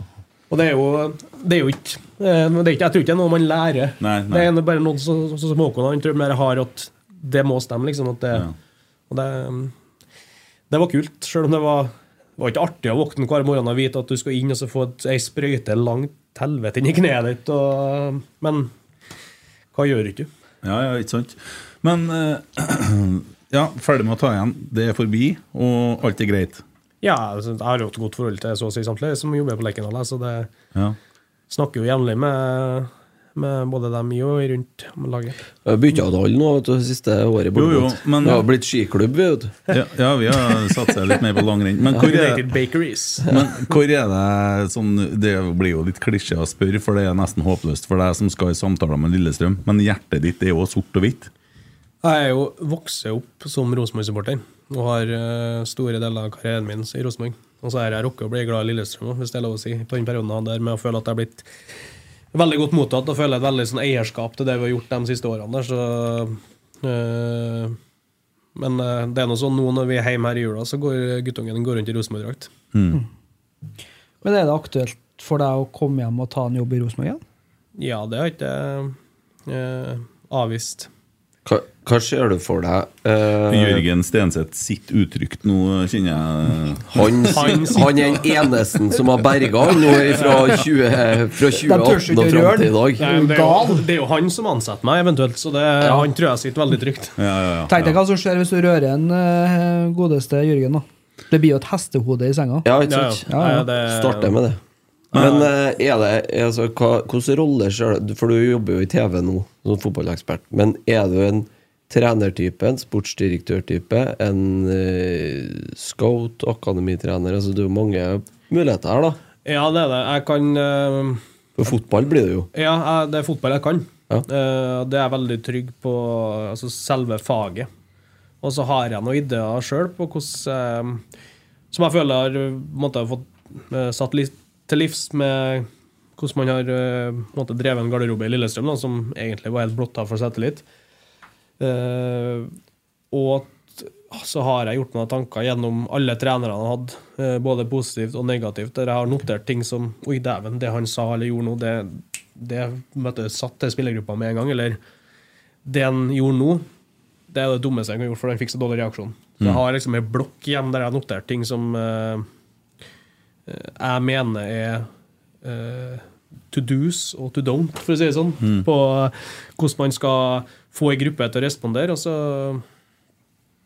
ja, har jeg klare tanker på hvordan man skal få et kollektiv til å fungere i lag, med det med å ha trygghet og få fram det beste i seg sjøl. Og det er jo sånn i så lenge du spiller i norsk fotball, så er du veldig avhengig av å få et kollektiv, for at alle, alle Det er ingen spillere som er komplett. Da har ikke du spilt i norsk fotball. Nei. Så du har klare svakheter, og du klarer klare styrker, men det handler om å få satt det sammen til at totalproduktet, laget, blir best mulig. Hvis du skal komme med noe altså, Du har jo sett mye Rosenborg i år òg. og det er jo helt klart at det altså, uh, Hvis du skulle komme med noe forslag til endring, eller hva man skal jobbe med mot 23 da, uh, i, ja, i klubben nå Ja, det kan jeg godt For det er akkurat samme som i Lillestrøm. Da. Så det handler om å bli mye bedre med ball i eget spill, og dominere kampene med ball, sånn at man eh, nuller ut alt av tilfeldigheter, i den grad det lar seg gjøre, med at, eh, at man ikke åpner opp kamper på at det blir ok, hvis vi ikke skaper noe på den sjansen her, så ryker det på en kontring andre veien. Og både eh, i Lillestrøm i år eh, eh, så har vi, i likhet med Rosenborg, ofte for tidlig i spillets fase gått for bredt med ballen. Og da blir du egentlig litt forutsigbar. Men begge lagene har kraft nok til at man klarer å skape ting, men at man da er ganske sårbar når man mister ballen, for at man har, man har ikke folk i sentrale områder på banen. Så klar å ha ballen sentralt i banen høyere. Det er veldig lett i teorien, men altså det er jo det vanskeligste i fotballen. Jo, Eh, vi- Det er jo litt sånn som eh, For dem som ser eh, engelsk fotball nå, sånn City og Arsenal er veldig mye bedre enn alle andre lagene i ligaen på akkurat nå. Er akkurat det der med at de, de dikterer spillet såpass bra at når de mister ballen, så er de i såpass god balanse at de vinner igjen fort. Og da får de stå og spille nesten eh, håndballangrep da hele tida. Og da er det fryktelig tungt å spille imot, for at du nesten står med ryggen mot veggen, og du, så vidt du klarer å skimte målet 100 meter andre veien. Og så er alle aksjonene dine som spiller ja, på City og Arsenal er veldig positiv for at du får betalt nesten hver gang du springer i press, for at du vinner igjen ballen. Så jo det, Kjetil snakka om det etter HamKam Rosenborg eh, hjemme. For at da ble vi pressa. Selv om vi leda, så lot vi oss presse av ti mann. Og det å klare oss å stå høyere med ballen når vi leder. Eh, Men så vil det jo endre seg litt, for vi har vært så dårlige vi, i fjor og i vårsesongen nå at vi, vi har eh, vi har ikke blitt tatt, møtt på samme måten på Lerkendal eh, som vi vil bli neste år. For Neste år så vil sannsynligvis lag vi møter legge seg lavere. Og da blir det en annen måte å spille fotball på enn hva Rosenborg har gjort hjemme i år. Tror du ikke det? Jo, men det, da krever det enda mer eh, tålmodighet og enda mer eh, Det vanskeligste er å låse opp et lavtliggende forsvar. Mm. Og da blir jo rommene mye trangere, og da må du være enda mer bevisst på du, eh, hvilke virkemidler du har for å komme inn i de rommene. For at jo høyere i banen du, eh, sentralt du klarer av ballen, jo flere valgmuligheter har du. Hvis du skal forsvare deg, du vet at de går ut på side tidlig, så er det liksom stort sett bare den sida du trenger å forsvare deg på. Men, men eh, for å ta eh, I de ti i Rosenborg, da, da Da var kanskje du på ditt aller, aller beste. Eh, 2015 2016 og for så vidt, men 15 var kanskje enda råere. Eh, og jeg har én kamp du snakker om lavtliggende vanskelig, på en måte. Odd hjemme. Nei, start hjemme. Jeg tror kan det stemme at du ble bytta inn til pause. Ja. Og Ja, han Robert Sandnes, venstrebacken til start, Ja. han tror jeg fikk rødt kort på et kvarter. Ja. 20 minutter, kanskje. For da var det god kok, for da hadde jeg vært sk- skada en stund. Og så var jeg veldig klar for å spille. Så ble jeg intervjua, så, så fikk jeg spørsmål om hvor klar jeg var til kamp. Da sa jeg at jeg så klart til kamp at han som spiller venstreback, han spiller ikke neste kamp Nei. til motstanderlaget. Og da Mons Ivar Mjelde mente at det var så usympatisk og usportslig av meg. Så da jeg ble bytta inn til pause, eller om det var i 50. så står han og sier at han skal takes. Ja. Han skal takes. Eh, klart å lure den, eh, Robert Sandnes og takle meg to ganger. da Det var ikke i nærheten av ballen, så det var rett ut. Ja, det det. siste, Og- det siste gule kortet her, det husker jeg faktisk ennå. Det spiller Får ballen og spiller den inn forbi baken og bare høvler unna, liksom. Ja, og sånn så, eh, Mjelde kom jo etter kampen og liksom, skjelle meg ut, og så spurte jeg Men spiller venstrebacken i neste kamp nå? Nei. Men i den perioden så var jo Rosenborg ekstremt god på det der. Eh, og bare spilt andre lag i stykker til slutt. Den kampen der lå vi under 1-0 og snudd til 3-1 og burde jo ha vunnet mye mer. Men eh, eh, Det ble vel 3-2 til slutt, hvis ikke jeg husker helt feil. Men eh, poenget var at eh, da hadde du en velfungerende høyreside med Mike, deg, Jonas, som var fantastisk den sesongen. Eh, så den var komplett. Det som kanskje var litt bytte på, i den, eh, hvis du tar den beste årgangen til Rosenborg etter skulle si, de 2015-sesongen, er jo kanskje det beste Rosenborg-laget etter Eggen-æraen. Ja, Sånn rent uh, eh, Skal vi si lagmaskineriet og offensive fotballen og den Der alt bare klikka og, stemte. Og Ole Selnes, Mike Jensen, Fredrik Mitsjø Men der er jo, du sier nå det er det beste laget. Ja. Jeg tipper spillerstanden vi hadde i 2019, spiller for spiller, er bedre. Vi hadde en kamp, jeg husker vi hadde en kamp der vi satt eh, Arild Østbø, som hadde stått for U21, og resten av hele benken hadde A-landskamper. Mm. ja. Benken, altså. Ja, ja. Det, og det er grobunn for misnøye hvis du har A-landskamper og ender opp med å sitte på benken. En hel benk som sitter. Ja. Eh, og der, men eh, i 2015, det laget, det var som jeg sa, det var veldig sånn homogent og naturlig sånn satt hierarki. Alle hadde eh, en trygghet for hverandre. Alle hadde sine styrker. Og så hadde de jo sånne småting, eh, sånn små grep Kåre Erik gjorde, som jeg føler de klaffa bra. Selv om vi spilte 11 mot 11 eller 7 mot 7 eller 8 mot 8 på trening, så var ofte jeg, Jonas og Mike på lag. ja. Selv om vi spilte 7 mot 7, da fikk vi jobba med relasjonen vår. Eh, bare på sånne småting med vegger, små detaljer, så lærte jeg liksom at ok, når han kommer her, så skal han få han på høyrelista. Liksom, han vil han der. Når han går litt inn, så vil han ut på neste. Bare sånne småting som gjør at vi kunne rotere til posisjonene til hverandre.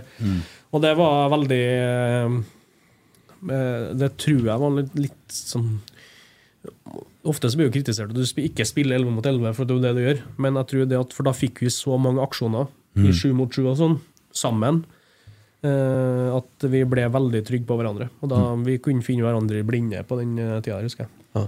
Og det så du jo den sesongen òg. Altså, det var jo Det var jo noen kombinasjoner, noen løp eh, som, og noen pasninger som To, det er to spesielt to kamper som bren- brenner seg fast til meg. Det er den startkampen hjemme, og så er Vålerenga borte i Oslo. Så har vi en Den, kamp de illustrerer det på en helt hele. fantastisk måte. Alt som var med Pål og Jonas på den høyresida. Eh, 2015 husker jeg vi begynte mot Ålesund. Herre min hatt. Du skåra på hodet der. Skåra på hodet? Ja. Det, For det hadde bygd seg ganske mye opp i presisen. Det var en ganske god avslutning på 2014. Kåre kom, det var altså alt det var bare sitra. Ja, den høsten før og var veldig bra. Ja, vi vant de ti siste kampene. Ja. Altså den hjemmekampen mot Molde, der du luker en uh, foran uh, når du skårer her, og Ja, det er vel- det 30 sekunder. Ja, det er vel Hva er det? Det er jo eh, året etter, det, tror jeg. Ja, Da året etter det. Ja. 16, ja, kanskje. For da hadde Da ble jeg jo skada selvfølgelig i oppvarminga før serieåpninga mot Odd borte. Og Det var første kampen min mot mot- Eller jeg spilte uh, Den kampen tapte fem, vi, ja. 15 minutter mot Nessotra. I eh, andre runde i kuppen, eller tredje runde i cupen på Lerkendal, og så var Molde hjemme. Den var første kampen min. Og litt dramatisk der, for at eh, jeg, jeg, på oppvarminga, når vi driver jo og spiller litt for å bli varm, så krasjer jeg med en Vegard Hedenstad, så han skaller Hvis begge snurrer samtlig, så han åpner opp øyelokket mitt. Så jeg må i garderoben og sy, eh, sy fire sting før kampen. Så jeg, jeg forsvinner bare fra oppvarminga. Ingen som skjønner nå. Og det vanligvis altså, kommer det jo en ny en inn, for da, det jo liksom, da er det en som har blitt skada. Så det kommer inn en som skal spille, men det var ingen andre som kom. Jeg måtte bare inn og sy. Og en Kjetil Holen, var leger, han, han fikk jo litt sånn tidspress.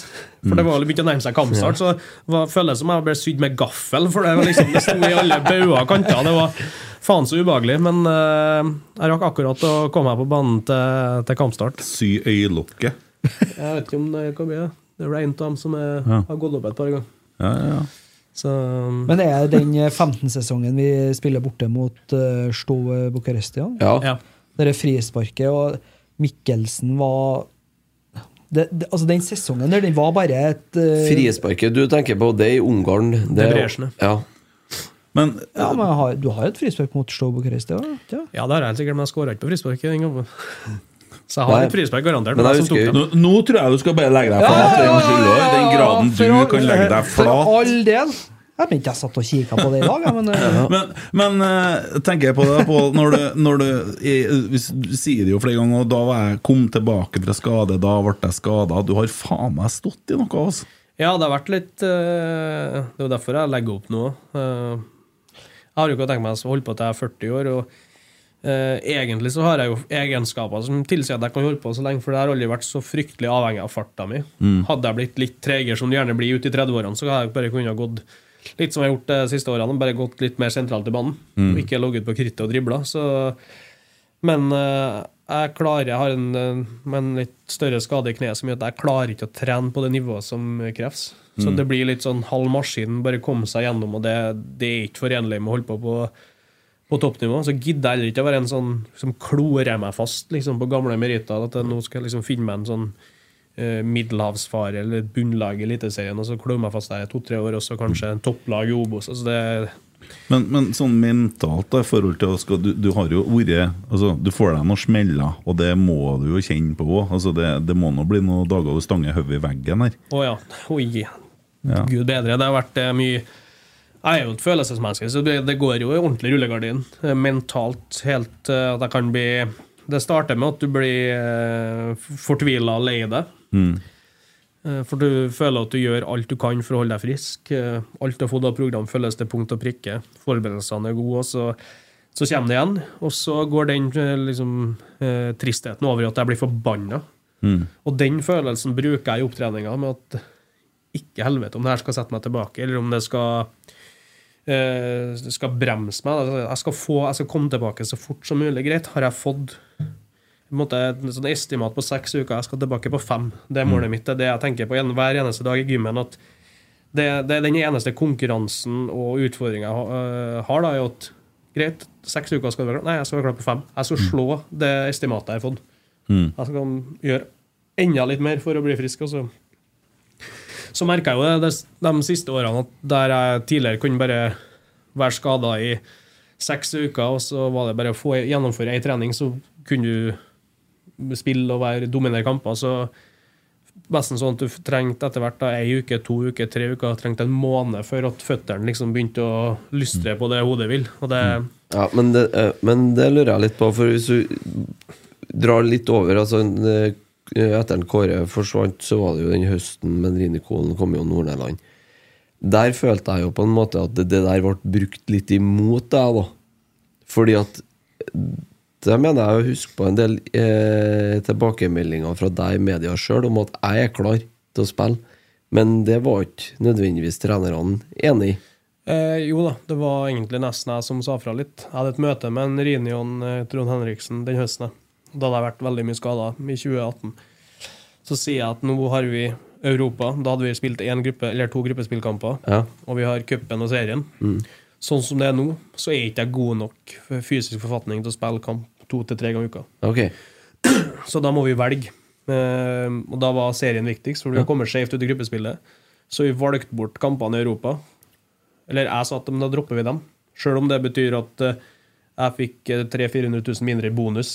For at det er der, det er der pengene og måte gullgryta til oss eh, spillerne, det er europapengene. Men da ble vi enige om at da går vi for cup- og seriekampene. Så vinner vi det. Så, så det der var ikke med i tropp i hele tatt, i europakampene. Nei, men jeg, nå tenkte ikke jeg nødvendigvis på 28, jeg tenkte mer på i 19, da, når oh, ja, nei, da det var et regime. Ja, nei, ja, jeg var eh, klar, ja, men da hadde jeg, jeg tror jeg egentlig godt av å bli benka. For da var ikke jeg god nok. Men det var én ting som jeg ser når jeg ser på highlights fra 2019. Det er det er en ting som er annerledes på deg. Når du skårer mål, så smiler ikke du lenger heller. Nei, men det Men Hva skal jeg si? Da blir det litt tilbake til at jeg må bare Da havner jeg i utfordrerposisjon. Og så må jeg bare være forbanna bare sørge for at jeg må være så god på trening at han ser ut som en dust. Eller så, hvis han ikke bruker meg. Han kan ikke forsvare overfor resten av lagkameratene mine at han ikke bruker meg. Og eh, jeg ble vel benka eh, for Brann borte, tror jeg. Vi vant 1-0. Ja, og jeg kom inn og slår den corneren Men det var, det var sånn i ettertid, selv om det var tungt der og da, det var helt riktig, for da, var ikke, da presterte ikke jeg godt nok, rett og slett. Og jeg hadde godt egentlig av å hva skal jeg si, en tur på benken og få inndratt det si, klippekortet jeg egentlig alltid hadde. Okay. Eh, bare for å få, liksom, få en på trynet og få den der eh, Ja, å bli eh. Men ikke liksom, at du må bruke hver trening til å, å bli bedre. Ikke tenk at du må liksom komme deg gjennom for å være klar til kamp. Ja. Det gjør at du trener på en litt annen måte. Så, og da etter hvert på sommeren og høsten der, så følte jeg at da var jeg nå er jeg god nok, nå bør jeg starte igjen. Ja. Uh, og det var litt, det har Horneland sagt, at det gikk litt for lang tid før jeg var tilbake på laget. ja. Men hvordan var det når han kom inn, egentlig? Nei, er, Fordi at uh, han, han tror jeg fikk en tøff start. Så, Ja. Uh, Hornis er en kjempetype. Altså, det var en sånn medieskapt krangel mellom meg og han. Som eh, egentlig Vi hadde en fin dialog. Det var bare for at jeg var en stor profil, og så ble ting jeg sa, mistolka. For jeg fikk jo spørsmål om hvordan håndterer du det på benken. Jo, veldig enkelt. Jeg skal være så god på trening at han ser ut som en dust hvis han ikke bruker meg. Og da var det bare egentlig for å billedlegge at da handler det om det jeg gjør på trening. Ikke det at eh, han skal se ut som en dust, men da liksom, da liksom at det lå på meg å bevise å spille meg inn på laget. Men det ble jo tolka som at jeg skulle prøve å få han til å se dum ut. Ja. Det var ikke det, der, liksom, eh, jeg mente med det. Det var mer at ok, da, må jeg, da er det mitt ansvar til å være så god at han, ikke, han kan ikke unngå å bruke meg. Eh, men eh, jeg følte at de trenerne kom litt skjevt ut da, for at vi, det er vel det eneste året i Rosenborgs suksessrike historie at Rosenborg har tatt tre titler. ja. 2018, ja. Og da kommer trenerne inn, og noe av det første de sier, liksom, at nå har dere holdt på å gå og pisse rundt på halv maskin, og det var en mediestorm at vi var dårlig trent. ja. Du kan ikke være dårlig trent når du vinner rubbel og bit. Det er helt umulig. Det er jo fullstendig piss på alle andre lagene i ligaen. Um, så og da liksom Tenk hvor gode dere blir når vi får orden på dere. Og når vi fortsatt var dårlig trent i august, så sier jeg at nå er det ikke tidligere regime sitt ansvar, nå er det kanskje deres sitt ansvar, for nå har dere holdt på i åtte måneder. Men, men hadde, da hadde, mamma klart å få oss i bra form, liksom. Ja. hadde satt seg en litt sånn eh, I mangel av bedre Altså en litt sånn ufyselig metthetskultur, egentlig. Overalt på den tida. Altså var ingenting bra nok lenger. Nei, ja. Det tror jeg. Ja, vi, har det jo sånn- hørt, vi har hørt rykter om at det er folk som sier at de ikke ga alt for laget lenger. Ja, men det der òg er eh, Det var en undersøkelse for å liksom For å røske opp. For det var jo- litt det, det, bråk etter at Kåre og Erik fikk sparken. Litt. Ja, Men så var det jo at eh, da var plutselig ingenting bra nok lenger. da Altså Vi vinner en semifinale i cupen, og da var Ivar sa det med femtedivisjonsnivå. Ja, ja. Så ja, det, du spiller en semifinale. Maks du kan få, er avansement. Uansett. altså Det handler ikke om det folk glemmer at vi da vi vant cupen i 2016, som kanskje er den, det året vi var best i og med at vi ble seriemester i september, så utligner Gytskjær på et vådeinnlegg fra meg fem minutter på overtid mot Tromsø borte. Og så ender vi på å vinne straffekonken i kvartfinalen. Og så ender vi med å vinne cupen. ja? Så enkelte ganger i cupene det handler bare om å ta seg videre. Og da snur vi mot eh, start og vinner 2-1. Og så blir liksom, da satt jo vi med, som spillere med en følelse at ingenting er bra nok. liksom. Samme, nå, vi vinner ligaen, vi vinner cupen, vi vant supercupen. Ingenting er bra nok. Og så var jo den der eh, undersøkelsen, og da var jo et av spørsmålene eh, Føler du at eh, alle til enhver tid yter maks på trening? Og da hadde jo vi ei superstjerne. Og Niklas, og det var ikke alle dagene han hadde lyst til å springe seg i hjel. Men, han er jo, altså sånn, men da ble jo svaret på det spørsmålet nei. For det var veldig enkelt at føler du at alle til enhver tid yter maks på trening. Og da følte jeg det var enkelte dager, for han var så god at han måte, tok seg en fridag. da. Og da ble jo svaret på det spørsmålet nei, men da, den, og da ble jo den undersøkelsen offentliggjort. Og så ble det kun den delen av undersøkelsen offentliggjort. Nesten, Vi følte Ja, ja. at styret skulle ha dekning for å Ja, vi fikk jo se den på et medlemsmøte, vi. Ja, men dere fikk ikke den delen på om spillergruppa hadde tillit til styre og stell? Nei. Nei. For det var, den ble ble holdt unna offentligheten. Så da følte jo vi som spillere at vi ble pissa på. For at da liksom ble alt lagt på oss. Og greit at den undersøkelsen Men først slipper den, så må de jo slippe alt. Ja, hva, hadde, dere, tillit til styrestell, da? Nei. Nei, jeg bare for å få det fram. Men, det var, men det liksom, da, da følte vi at, begynte, begynte at klubben begynte å bli splitta. Ja, men også er det jo en ting til oppi dette her eh, og det er jo media. For det var mye klaging i media òg, på Rosenborg. Ja, ja.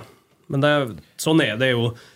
Eh, jeg tror du opplever det hvis du begynner å bli Hvis du er best. Litt sånn som i 2014-2015, så kunne vi ikke tråkke feil. Nei. For da hadde Molde vært best ei stund. Og vi var litt sjarmerende. Vi var offensive. Vi, vi sa at vi var det beste laget. Vi skulle vinne ligaen. Så var det sånn Ja, kult, de er en kul gjeng. Og så merka vi 16-17. Så skal, uansett hva vi gjorde, så skal folk rive oss ned, for da har du den janteloven som slår inn. Eh, uten sammenligning for øvrig. Altså litt sånn som Bodø-Glimt. Uh, det første, ja, første året da de vant, så var jo liksom hele Norges kjæledegge. Ja. Og Jeg tror de merka i fjor at de begynte å bli tatt på ting de hadde sluppet unna med tidligere. At de tråkka feil. At de følte at uansett Ja, når du begynner å få sendt konkurrentene ut i, på walkover i cupen, Ja, ja, liksom. sånn- da, Det gjør de i år òg, litt. Ja, ja, ja, men at alt, Ja, at, alt ble veldig forsterka Ja. og negative. Og de plutselig, plutselig følte ikke at de kanskje fikk den samme anerkjennelsen for eh, like prestasjoner på banen. For at forventningene ble enda litt høyere. Og så glemmer man det at eh, alltid når det er et lag som vinner, så prøver alle andre lagene det er det laget å slå. Så det, du ser jo nå Man driver og hauser opp det Bodø-Glimt-laget som tidenes beste. De vant to på rad. ja. Say no more. Nei, vi vant, vi vant jo fire på rad. I tillegg så vant vi alt av cuper. Eh, og Rosenborg vant jo hadde 13 år på, Europa- ja, mens Rosenborg vant jo 13 år på rad ja.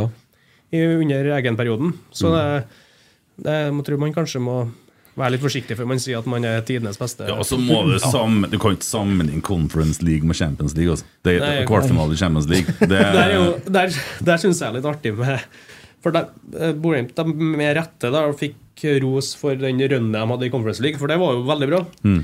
Og så- men så lurer jeg på om det sitter noen i Romsdalen da, som året i forveien kom like langt i ei jævel turnering som ingen snakker om. Ja, At de, om de føler seg litt forbigått. For de røyker jo mot eh, Hva var det? Granada. Granada. Granada, ja, i ja. Slo jo kvartfinalen. ut Hoffenheim, Ja, ja. I kvartfinalen i Europaligaen. ja. Men jeg, jeg har en idé der, for at det her har de gjort nedi der før. Kan de bare gjøre som de gjorde med Wimbledon?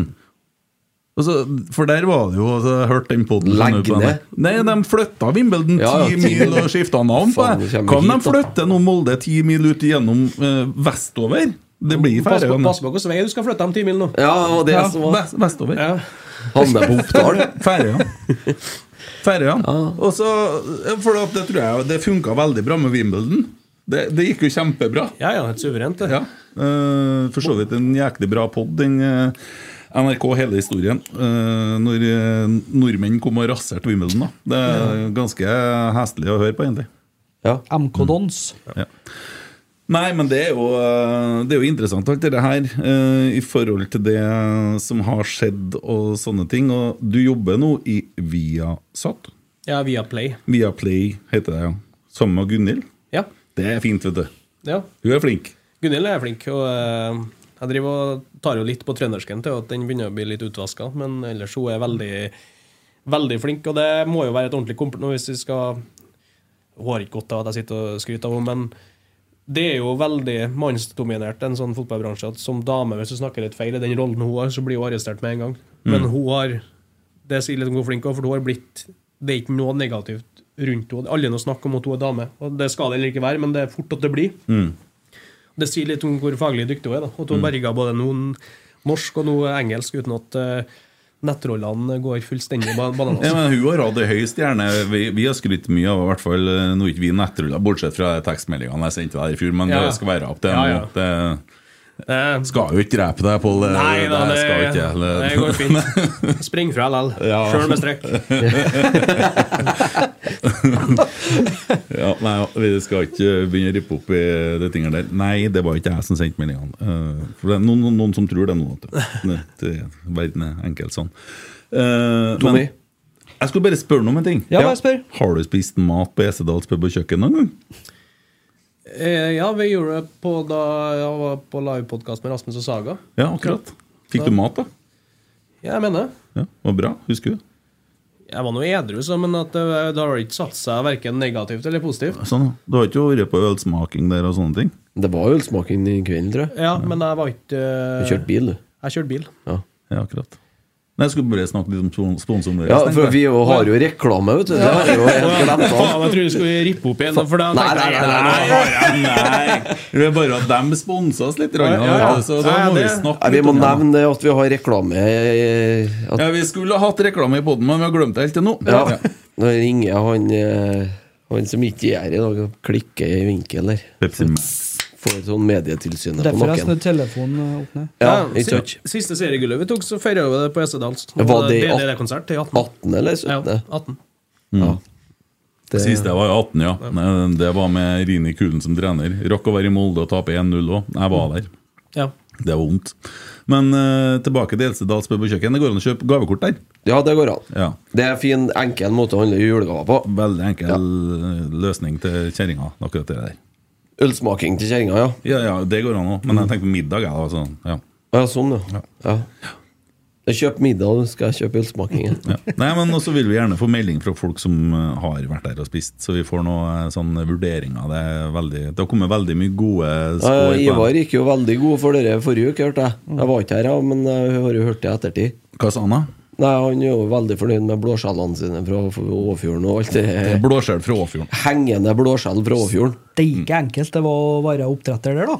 Bare å Ja, knytte Hive ut et taug. Ja, men du får, ikke, du får ikke samme smaken, for det ligger ikke på bunnen og får dere der greiene. Nei. Men det gikk ikke så bra heller, da. Sånn, så Nei. Ellers så har jeg for så vidt solgt deg til FK Fosen, så du skal spille midtstopper der neste år, sjette divisjon. Men da får du kanskje møte Magnus Stamnestrø, som spiller på Vestbyen, så det blir jo fint. Ja, i da. jeg vet ikke om han spiller lenger. Nei, han jeg flytta seg, til, jeg. jeg flytta til Mosjøen med kjerring og unger. Oh, ja, Kjerring og unger nå er du 8-29 år, da, men eh, Mosjøen! Ja, det er skygger hele tida det. ja, hun, er- ja. Nei, det har kun arm- arbeid på aluminiumsverft der, eller sånn, så det, det er ikke alle veier som leder til Rom, altså. Nei, og Har du vært i Mosjøen? Ja, Det er aldri sol der. Nei. Der vi var oppe i hele distriktet her med Rosenborg 2 i, i junioralderen. Da var vi i nordserien hele tida. Så der har vi vært Bossekopp og Harstad og Hammerfest. Bossekopp er oppe i Finnmark, ikke sant? ja, Alta. Ja. Så det var ikke bare Svolvær, og det er ikke bare våre søndagsturer, for å si det sånn. Nei, nei. Vi var på Kippemo Cup i fire år, og det var ikke sol et eneste øyeblikk. Ja, det i Mosjøen, det òg? Det er Mosjøen, ja. Ja, det, det er nedi en dal, det er bare sånn svære fjell rundt. Men det er artig der på natta. Hæ? Det er artig der om natta. Ja, det er det, ja. Ja, Riktig. Ja, Tommy. Vi Tornado har lurt på om eh, du skal spille Sja julecup, og hvem som eventuelt er på laget. Um, Det skal jeg dessverre ikke gjøre, i og med at jeg, jeg skal jobbe i Viaplay med Premier League-studio. Mm. Hvis ikke så hadde jo vi jo, må jo være Jeg tipper det er Norges beste futsallag som vi raker sammen hvert år oppe her og dundrer gjennom. Det er jo sånn at folk sitter og jubler hver gang vi slipper inn mål, så det Men så god er nå kameratgjengen vår i futsal. da. Det er noe sånne som meg og Gjermund og de eh, som ikke er eliteseriespillere, de er eliteserie- eller landslagsspillere i futsal. Så det, det er et fryktelig sterkt nivå på oss, det er det. Men eh, jeg regner med de fikser biffen eh, uten meg. Er det i Sodvinhallen, da? eller? Nei, det er Charlottenlund julecup, det er det som er i Trondheim. er det. Ja, for du har spilt futsal litt aktivt òg? Du drev og trente med Tiller og sånn? Ja, jeg har blitt, eh, Norges, jeg har blitt eh, årets spiller jeg, i futsal. Du har det, ja. År og A-landskamper i futsal. Ja. Er ikke det jævlig skummelt for kneet og sånn, og så spille på sånn underlag? Aldri blitt skada der. Nei. Nei. Utrolig nok. Ja. Men du måtte slutte med da du spilte i Rosenborg? Ja.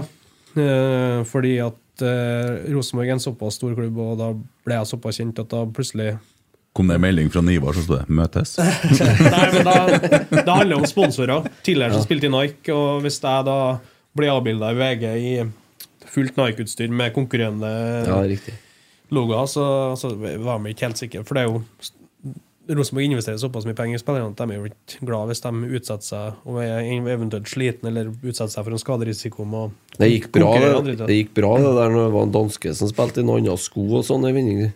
Ja, ja. Da var ikke det noe problem. Nei, nei det, nå ser jeg jo de spiller både Puma, Nike og Adidas. Ja, nå er det så mye skomerker. Private avtaler eh, til å gå alt mulig rart. Søderlund han fikk jo 50 000 i bot mens jeg ut døra da han gikk til Sant Etienne for at han spilte i Nike-sko. Så det er tidene har forandret Oi, seg. såpass, ja.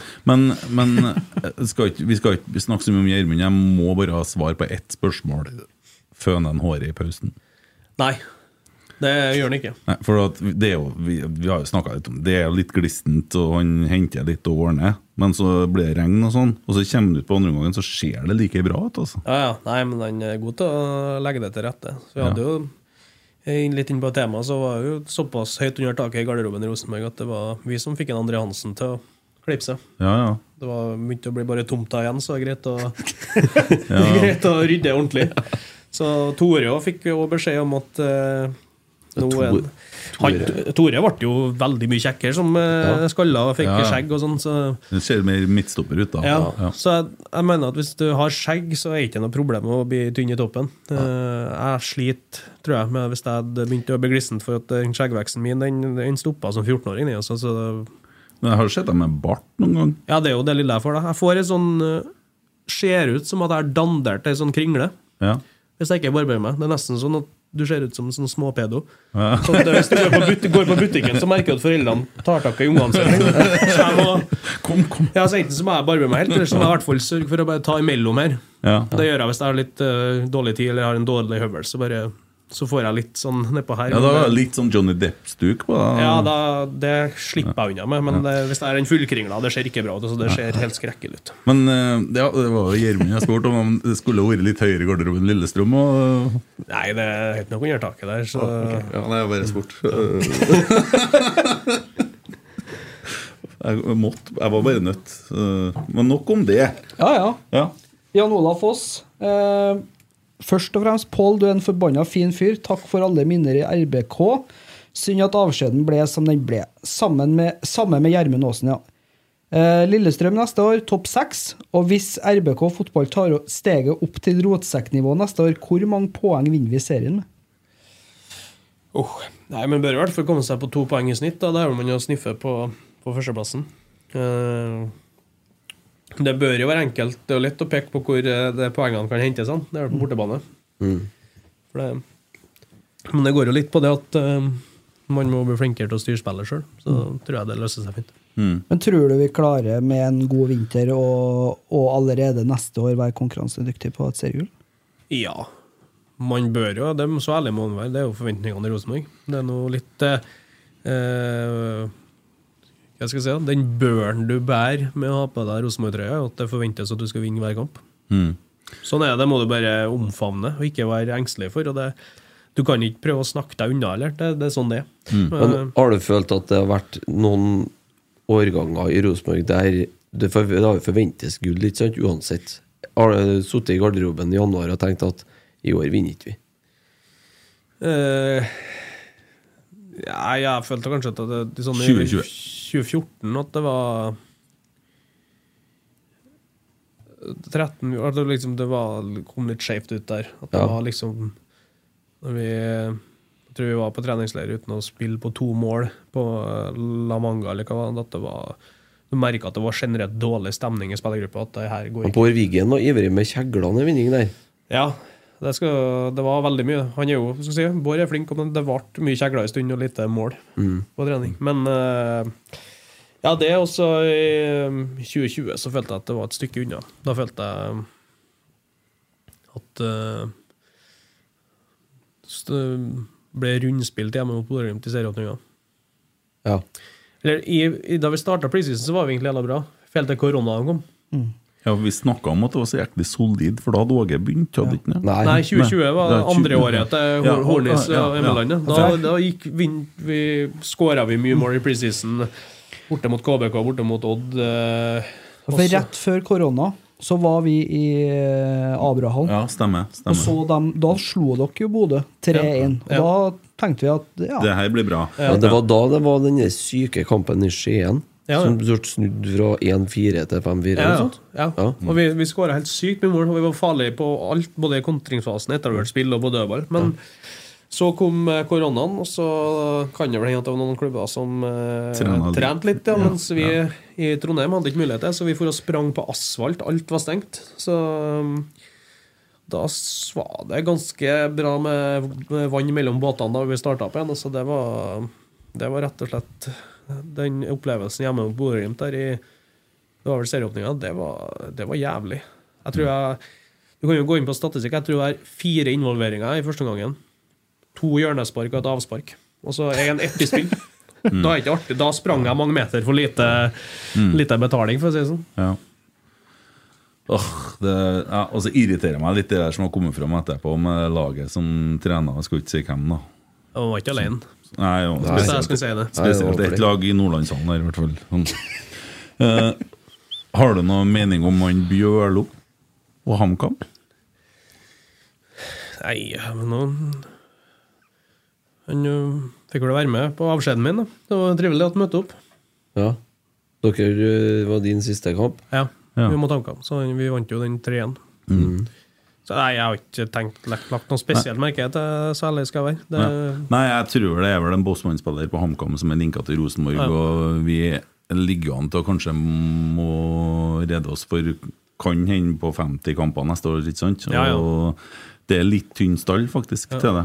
Det er bare I den grad jeg skal komme med noen anbefalinger, så sørg for at de spillerne som hentes, ikke står i veien for Broholm og Nypan og dem som er der. At de som eventuelt hentes, de må være veldig mye bedre. Ja. Sånn at det ikke er noe tvil at om de skal spille. De bør ikke være marginalt bedre og ikke trøndere. Da er det bedre å la være, ja. Ja, det er bedre å vente et år på dem. Hvis du har vært Ole Sæter, hva hadde du gjort nå? Uh, uff, jeg vet ikke. Nei, altså, der er føler jeg at klubben har eh, De har jo bygd opp han eh, altså Han er jo toppskårer, og så har de bygd han opp til å være den største profilen på laget. Og da når du er toppskårer og den største profilen, så ligger det jo litt forventning. Da Da har du på en måte satt deg litt sjøl i sjakkmatt med hvis du skal gå i lønnsforhandlinger. Men da er forventningene der, og så hvis det da er ganske eh, stort sprik, og det har jo kommet skattelister nå, så kan du liksom eh, Det er jo lett å begynne å eh, regne seg nedover hvor man bør ligge hen, liksom. Og hvis det er langt da Uh, uenighet hvis man føler, ikke føler seg verdsatt sammenligna med andre, og sånne ting, så det, det er ganske sånn komplekst. bytt, bytt plass på bordet, da. Hvis du har vært Dorsin, hvor hadde du strekt deg langt for å beholde Ole Sæter? Jeg tror det at uh, det bør ikke være negativt å være trønder i Rosenborg. Ja. Mm. Men ofte så blir det sånn at du strekker deg litt lenger for å hente eh, eh, utenlandske eller fra andre parter av landet, fordi at du må lukte dem hit, mens de som er trøndere skal være glad i klubben, men det skal ikke være negativt på noen som helst måte uansett. For det, det jeg tror de genererer mer penger inn til, gjennom supporter, nei, supportere og fans som assosierer seg med på at de føler på et eller annet vis at de kjenner han via via, eller at de kjenner noen som kjenner han, som gjør at de har et litt personlig forhold til ja, han og Markus og ungguttene og Reitan og Eddie og guttene der, så da må man ta vare på, rett og slett. Var du litt i samme situasjon i 2020? Starten på 2020-sesongen? For da var du vel veldig nære Nordkjøping, var ikke du? Eh, Jo. Eh, jeg tror vel egentlig at det var så enkelt som at eh, da jeg var på benken hele høsten her, så tenkte de vel kanskje at det var greit.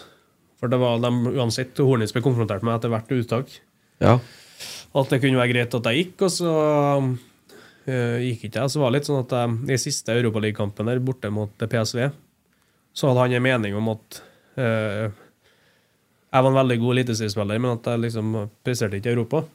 Og så spilte jeg en veldig god kamp, og vi egentlig spilte en god kamp på laget. Og jeg laga et mål sjøl og skåra nedi der, og da ble han overbevist om at ja, han kan gjøre det i Europa. Og så ble jo litt forhandling med uh, ja, om, om lønn, og sånn så vi endte jo opp og ble enige for lenge. Så, men det, det ble jo et år, det. Så var det Så Ja, hva er det som skjer da når du, når du altså, avby- blir kon, den blir, Kontrakten med Rosenborg blir jo nulla. Det blir bare Ja.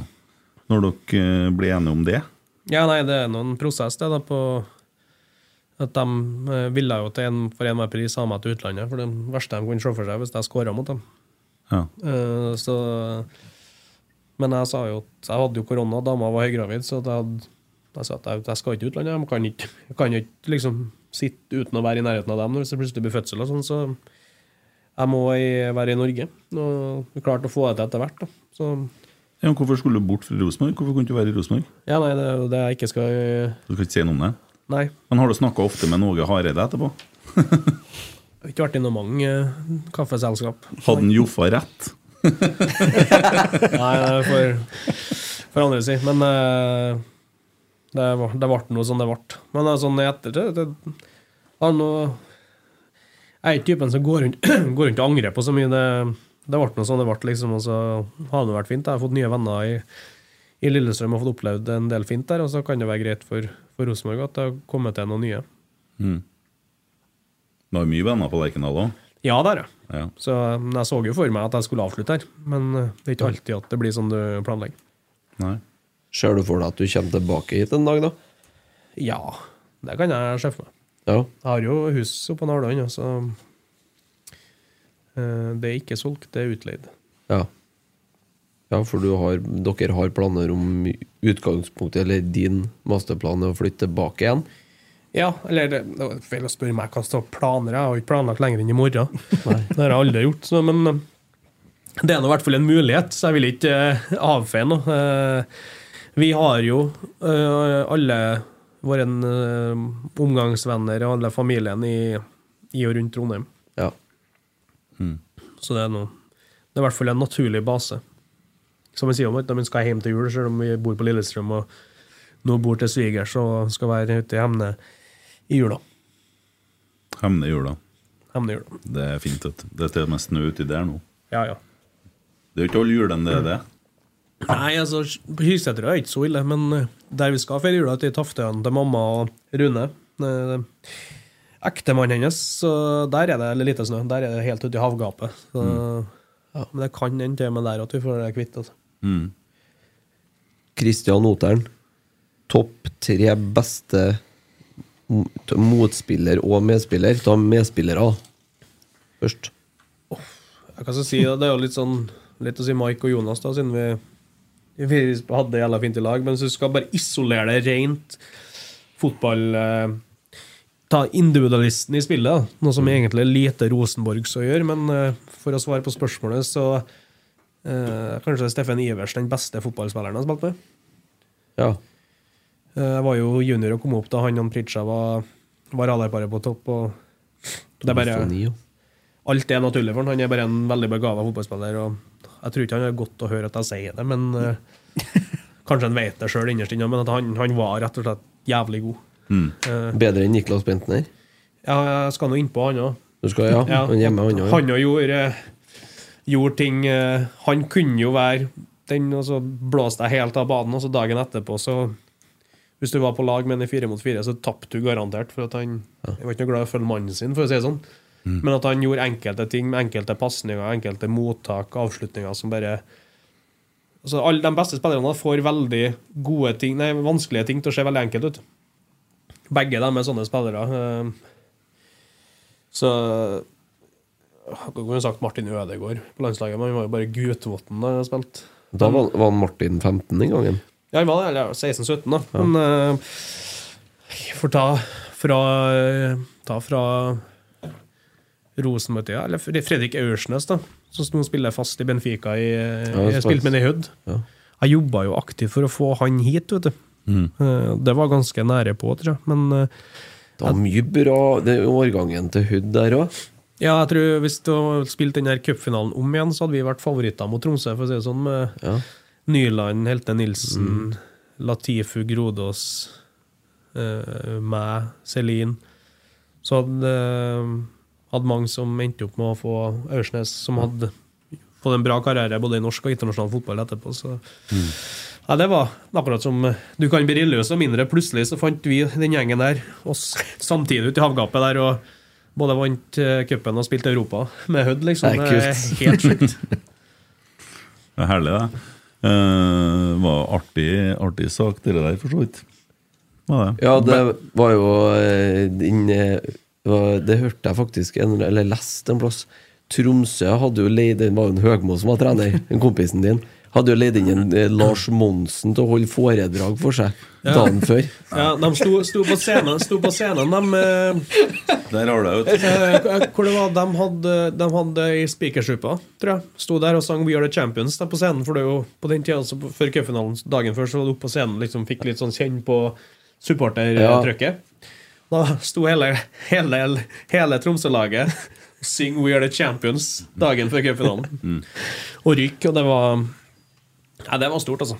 Husker jeg vi tror vi psyka dem ut litt, da, for vi ble enige om det at i andre ekstraomgang at når dommeren eventuelt blåser av det straffe, skal vi juble som at vi vet at du vinner. Ja, faen. Så vi jubla opp i trynet på Den er. Tromsø-spillerne, liksom. Ja. Så jeg tror de var litt sånn Hva faen, hvordan gjeng er det her? Ja, ja, det er tøft. Så de eh, Ja, det var, det var, det var stort, rett og slett. Inn motspiller, da. Han har vel slengt med det òg, han Oteren, har han ikke? Ja, må si Zlatan, da. Landskamp mot eh, Sverige, så er jeg nå 1,87 og 3-84 kilo. Var det da han skåra to mål i Stockholm? Med tre mål? Nei, det var, det var en landskamp på Ullevål. Ja. Men det var bare det at det er noen ganger du merker en sånn aura rundt. Så du merker at han, han slipper unna med mer faenskap på banen. liksom. Mm. Han kan slippe unna albuer, liksom. Men, sånn, men altså var han så god og så jævla svær, altså.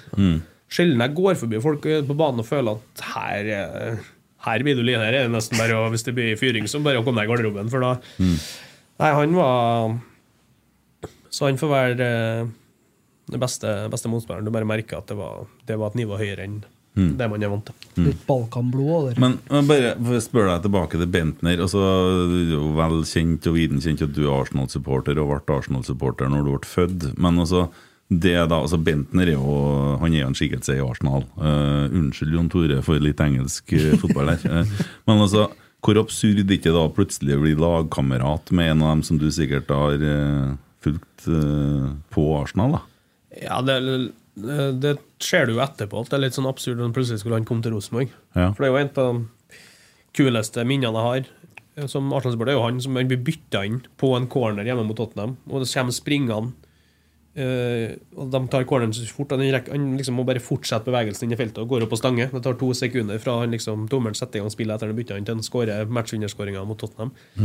Men eh, eh, du lærer sånn i fotball at når du kommer inn altså, Du er nesten en kompis med en gang du er inne i garderoben. Samme hvem du er, om du på en måte er prest eller ligeskjender. Liksom, det, det er plass til alle. Og Han var en, liksom en, he- en helt fantastisk type. Han, han prata med ungguttene, tok dem under seg, liksom snakka med dem. Var veldig Ikke noe eh, noe nykka i garderoben, annet enn at noen gang på trening så følte han ikke for å følte, seg, følte ikke for å liksom slite seg helt ut akkurat Nei, nei, den dagen, men um, som så personen Benne var helt, helt fantastisk. Altså. Så da, da tenker du at du Ja, han, han er en kompis på lik linje med oss, han, så det er ikke noe det er ikke noe annet. Og så blir det jo sånn at du, du merker jo spillere du, Jo bedre de er, jo enklere er de å spille med på sånne småting på trening. Mm. Sette opp vegger og sånne ting. Det, så det var Ja, det var veldig trivelig.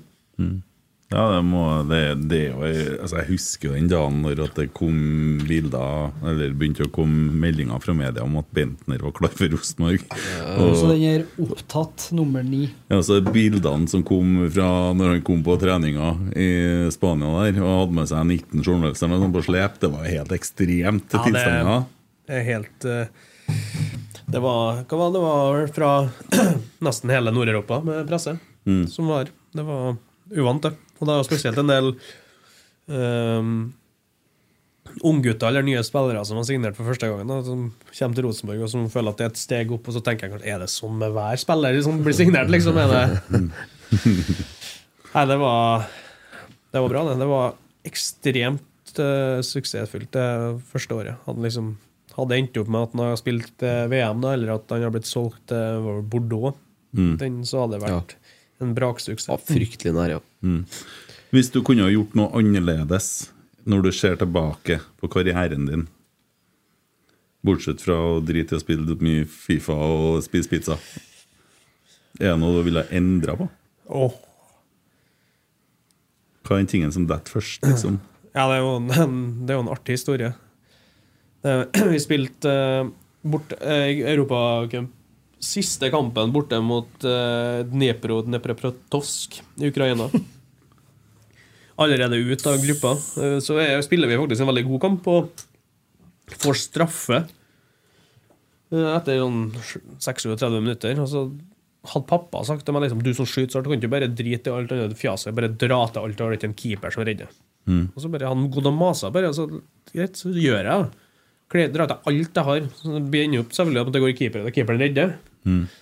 Og så snur kampen, kampbildet litt andre gangen når vi, vi taper. Så var jeg jævla forbanna på meg sjøl at jeg ikke bare gjør det jeg vet jeg scorer på, bare liksom bare senteren høyt. Det er såpass trygg at da er ingen keepere som redder, hvis du skjøter høyt.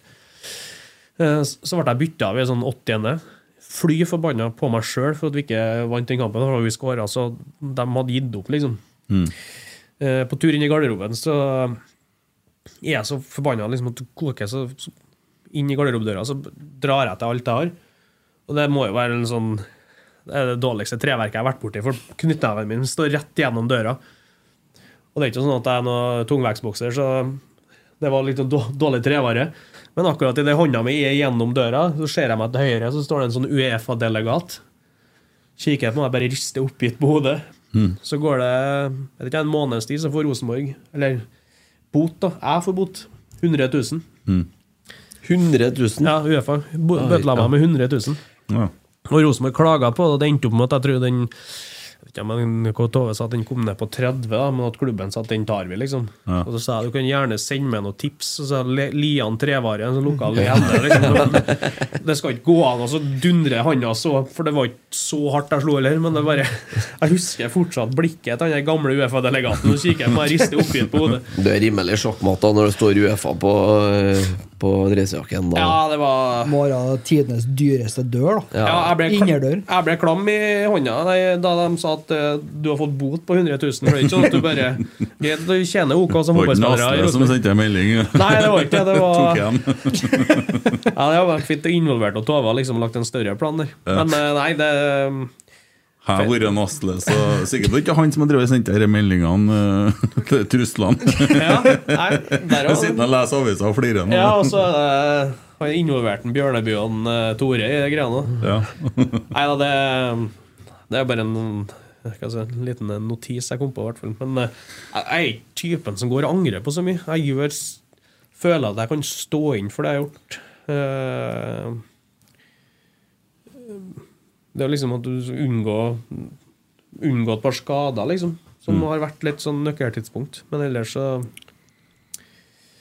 Det, det har nå blitt egentlig jævla bra, føler jeg. Alt i alt. Jeg tror det er mange som misunner meg den eh, Mange norske fotballspillere som misunner den karrieren jeg hadde, så nei, jeg får si at det har vært, vært ganske greit. ja, det er litt av en reise fra ja, og Byåsen og helt til det du har vært med på. Ja, nei, det var det har vært fint. Veldig privilegert som har fått oppleve å vinne veldig mange flere fotballkamper enn jeg taper. Og det, det er jeg glad for. Så er du jo faktisk en av de spillerne i nyere tid som har vunnet mest, da. I norsk fotball, vil jeg tro. Hvis du ser over de siste 10-15 årene. Jeg tror ikke det er noen i min generasjon som har vunnet mer enn meg. Nei. Det, det er jo litt kult.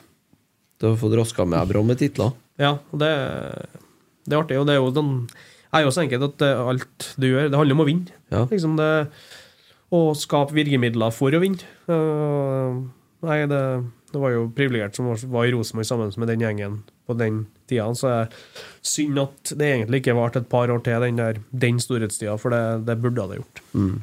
Såpass mye bedre enn resten var vi, da. Ja. Jeg har fått et uh, lokalt spørsmål. Jeg spurte deg jo rett før vi gikk om Ja. du kjenner Alfie. Ja. Og han spør jo om det hele Hemne lurer på om det blir et Kiel Hemne-comeback. Dæven, har en far som har nå tatt over hovedtreneransvaret her, som eh, ikke helt kan slippe den tanken, i hvert fall. Nei, Nei. vi får se. Det, blir jeg nå boende her, så skal jeg alltid stå en kamp for Kilemne. Det, det hadde vært artig. Jeg, jeg, fikk, jeg spilte ikke noen mange kamper på A-laget der før. Og der Såpass god er jeg ennå at jeg skal klare å prestere selv på uh, halv maskin. Men jeg får se hva det blir, og hvor jeg blir boende. For det er fjerde Vi divisjon. blir- Ja. Det er godt å slippe all reisinga òg. Ja, for det, du, du blir på en måte vant til det. Du tenker ikke over det.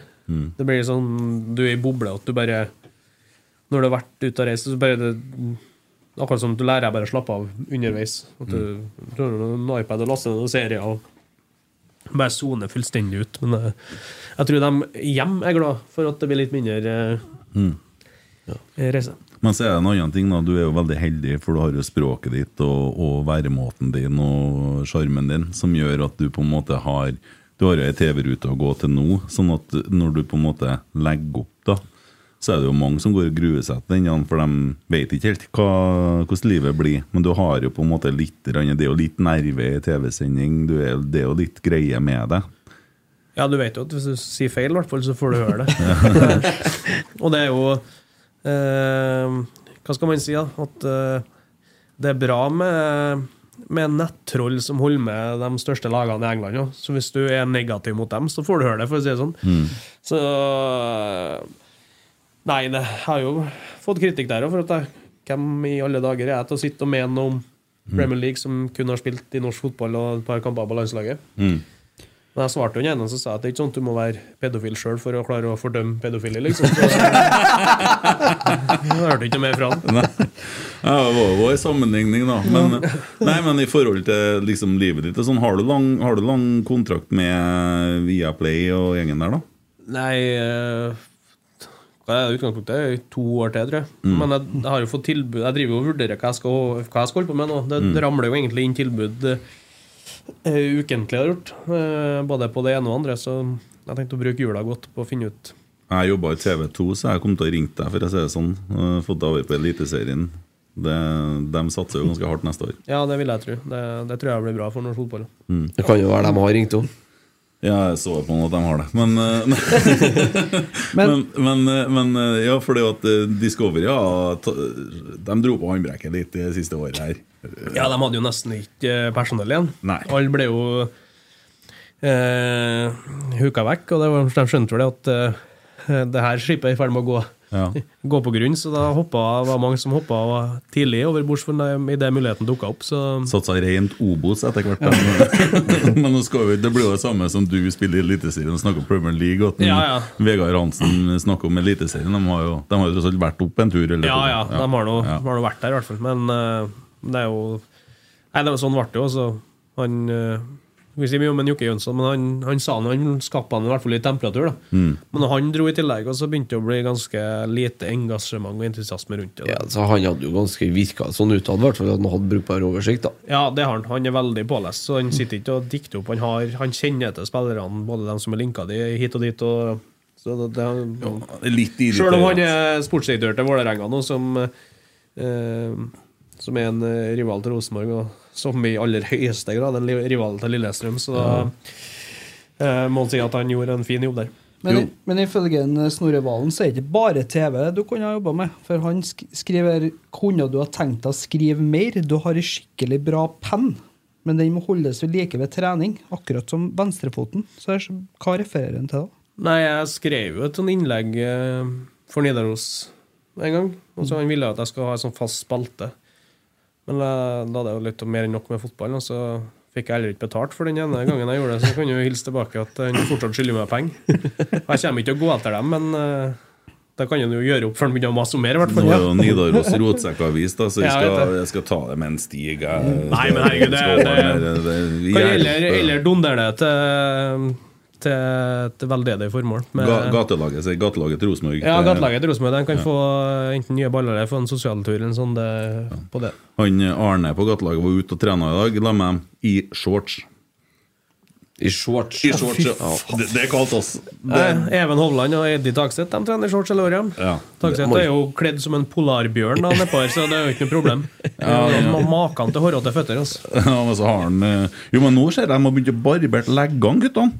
Ja, de eh, ser proffene for å få, når de får massasje. Nå vet ikke om det kommer mye mer, mye mer massører på Lerkendal enn hva det tidligere har vært, men alle, i hvert fall de beste klubbene i verden, så blir jo alle spillerne som spiller, de blir massert dagen etter kamp. Ja. Da er det, De gjør det for å Ikke for å se kul ut, men for at du ikke skal få betennelse i hårsekkene. For at du liksom masserer mot Men det, det, det sprer jo seg, for at da ser jo spillere i norsk fotball at de internasjonalt gjør det. Men de har jo en grunn til å gjøre det. Ja. Og så gjør de det for at det, de tror det er kult. Så det Ja, jeg satt og stussa. Jeg satt på trening da øh, og, og kikka. sitter- Jeg sitter litt med gamlingene på benken. Er det er koselig her, så. Og så ser jeg Adrian i rett fra meg, så ser jeg leggene og så tenker jeg, Hva faen? øh, Hva er nå som trender? Og så begynner jeg å slutte. Hele gjengen er jo ja, Sikkert ikke André Hansen, han ser ikke jeg for meg. Nei, jeg tror ikke André og Markus og Nei. Tagseth eller ikke som typen som uh, Ja, det skal jeg finne ut. Det finner du fort ut. Ja. For det tror jeg er skuddsikker, den pelsen han har eh, over leggene. Oppå hodet òg. Ja, er begynner, ja. å bli bra. Begynner å se litt sånn øh, Jeg har ikke trange hjelm hvis du skal sende han ut i striden. altså. Nei, nei, Kunne nei. ha gått med puffen sin, så han vært skuddsikker. Hva heter han spilleren som var, var på Colombia? Valderama. der- Ja, Han ser ut som en uh, albino-Valderrama. Ja. Det, der har vi det. Skal vi eh, ta et avsluttende spørsmål, eller? Ja, det, Begynner vel å være der på tid, tror jeg. ja, det har du helt rett i. Hvis du må velge, hvem håper du blir seriemester i Ja, det er dårlig gjort å spørre noen om. Nei, jeg er det er redd litt- for, jeg men så det- redd for hva han svarer. Jeg vet ikke om jeg orker å høre det svaret. Nei, men det er jo eh, Det er eller sånn Plutselig så er jeg jo jobber jeg jo en av plassene, og da Ja. er det vanskelig å si noe. Men Men det skjønner jeg. Det, jeg håper det at én en av klubbene vinner. Ja. Også, Men jeg tror at Lillestrøm må skjønne at hjertet ditt er sort-hvitt. Ja, jeg tror at alle skjønner at hvis jeg får en kniv på strupen, så at jeg at jeg er oppvokst og barnefølelsene mine er Rosenborg-supporter. Liksom, så det klarer ikke å overstyre. Men at jeg i tillegg har blitt veldig glad i, i Lillestrøm i tillegg. Ja. Så at begge, jeg er veldig glad i begge klubbene. Så hadde det kunnet blitt Hva er det, da? Skal vi si det sånn at Hvis jeg skal være ordentlig solidarisk, da, at begge lagene har 86 poeng, og så får det være opp til hver enkelt å ha best mulig målforskjell? Ja, men, da, men hvis, du, Hvis de da møtes i siste kamp hvis du sier det, da vil jeg ha et ordentlig svar på et aller siste spørsmål. For det kan du svare på. Hva, hvis du skal plukke ut ett enkeltminne fra tida di i Rosenborg, hva blir det?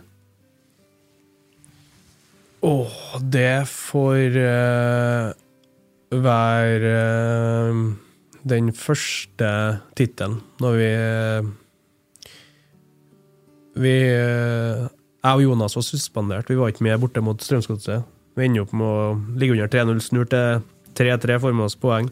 Jeg og Jonas blir kjørt på på Værnes med en flaske whisky for å ta imot resten av laget for å bli med på bussturen inn til Solsiden med Dag Ingebrigtsen på bussen som sitter og spiller Rosenborg-sanger. Da var det på den tida at eh, det var såpass mange trøndere på laget som kunne Rosenborg-sangene, så det ble allsang i bussen. Det var ikke eh, en god del eh, fra distrikt, resten av landet eller fra utlendinger som ikke kan de sangene, som er litt den der trønderske kulturarva. Som det var allsang på bussen på de sangene inn. Og at jeg og Ole går med to bluss hver oppover Solsidenstripa til et fullsatt Søstrene Karlsen, der utover natta Kompisgjengen min hadde ett bord som jeg sto og dansa på. Kompisgjengen til Jonas hadde ett bord som jeg sto og dansa på. Venninnegjengen til Tove Dyrhaug hadde ett bord der hun sto på bordet og dansa. Så det var, det var fantastisk. Pål, tusen hjertelig takk for eh, to timer i Rotsekkstudio. Takk for at jeg fikk komme. Og eh, lykke til med fremtida. Det, det, det sier jeg med litt lygegårds avhengig av hva du er. Men uh, du er en fantastisk mann, og tusen hjertelig takk for alt du har gjort for Rosenborg. Jo, takk, uh, takk sjøl, og vær så god.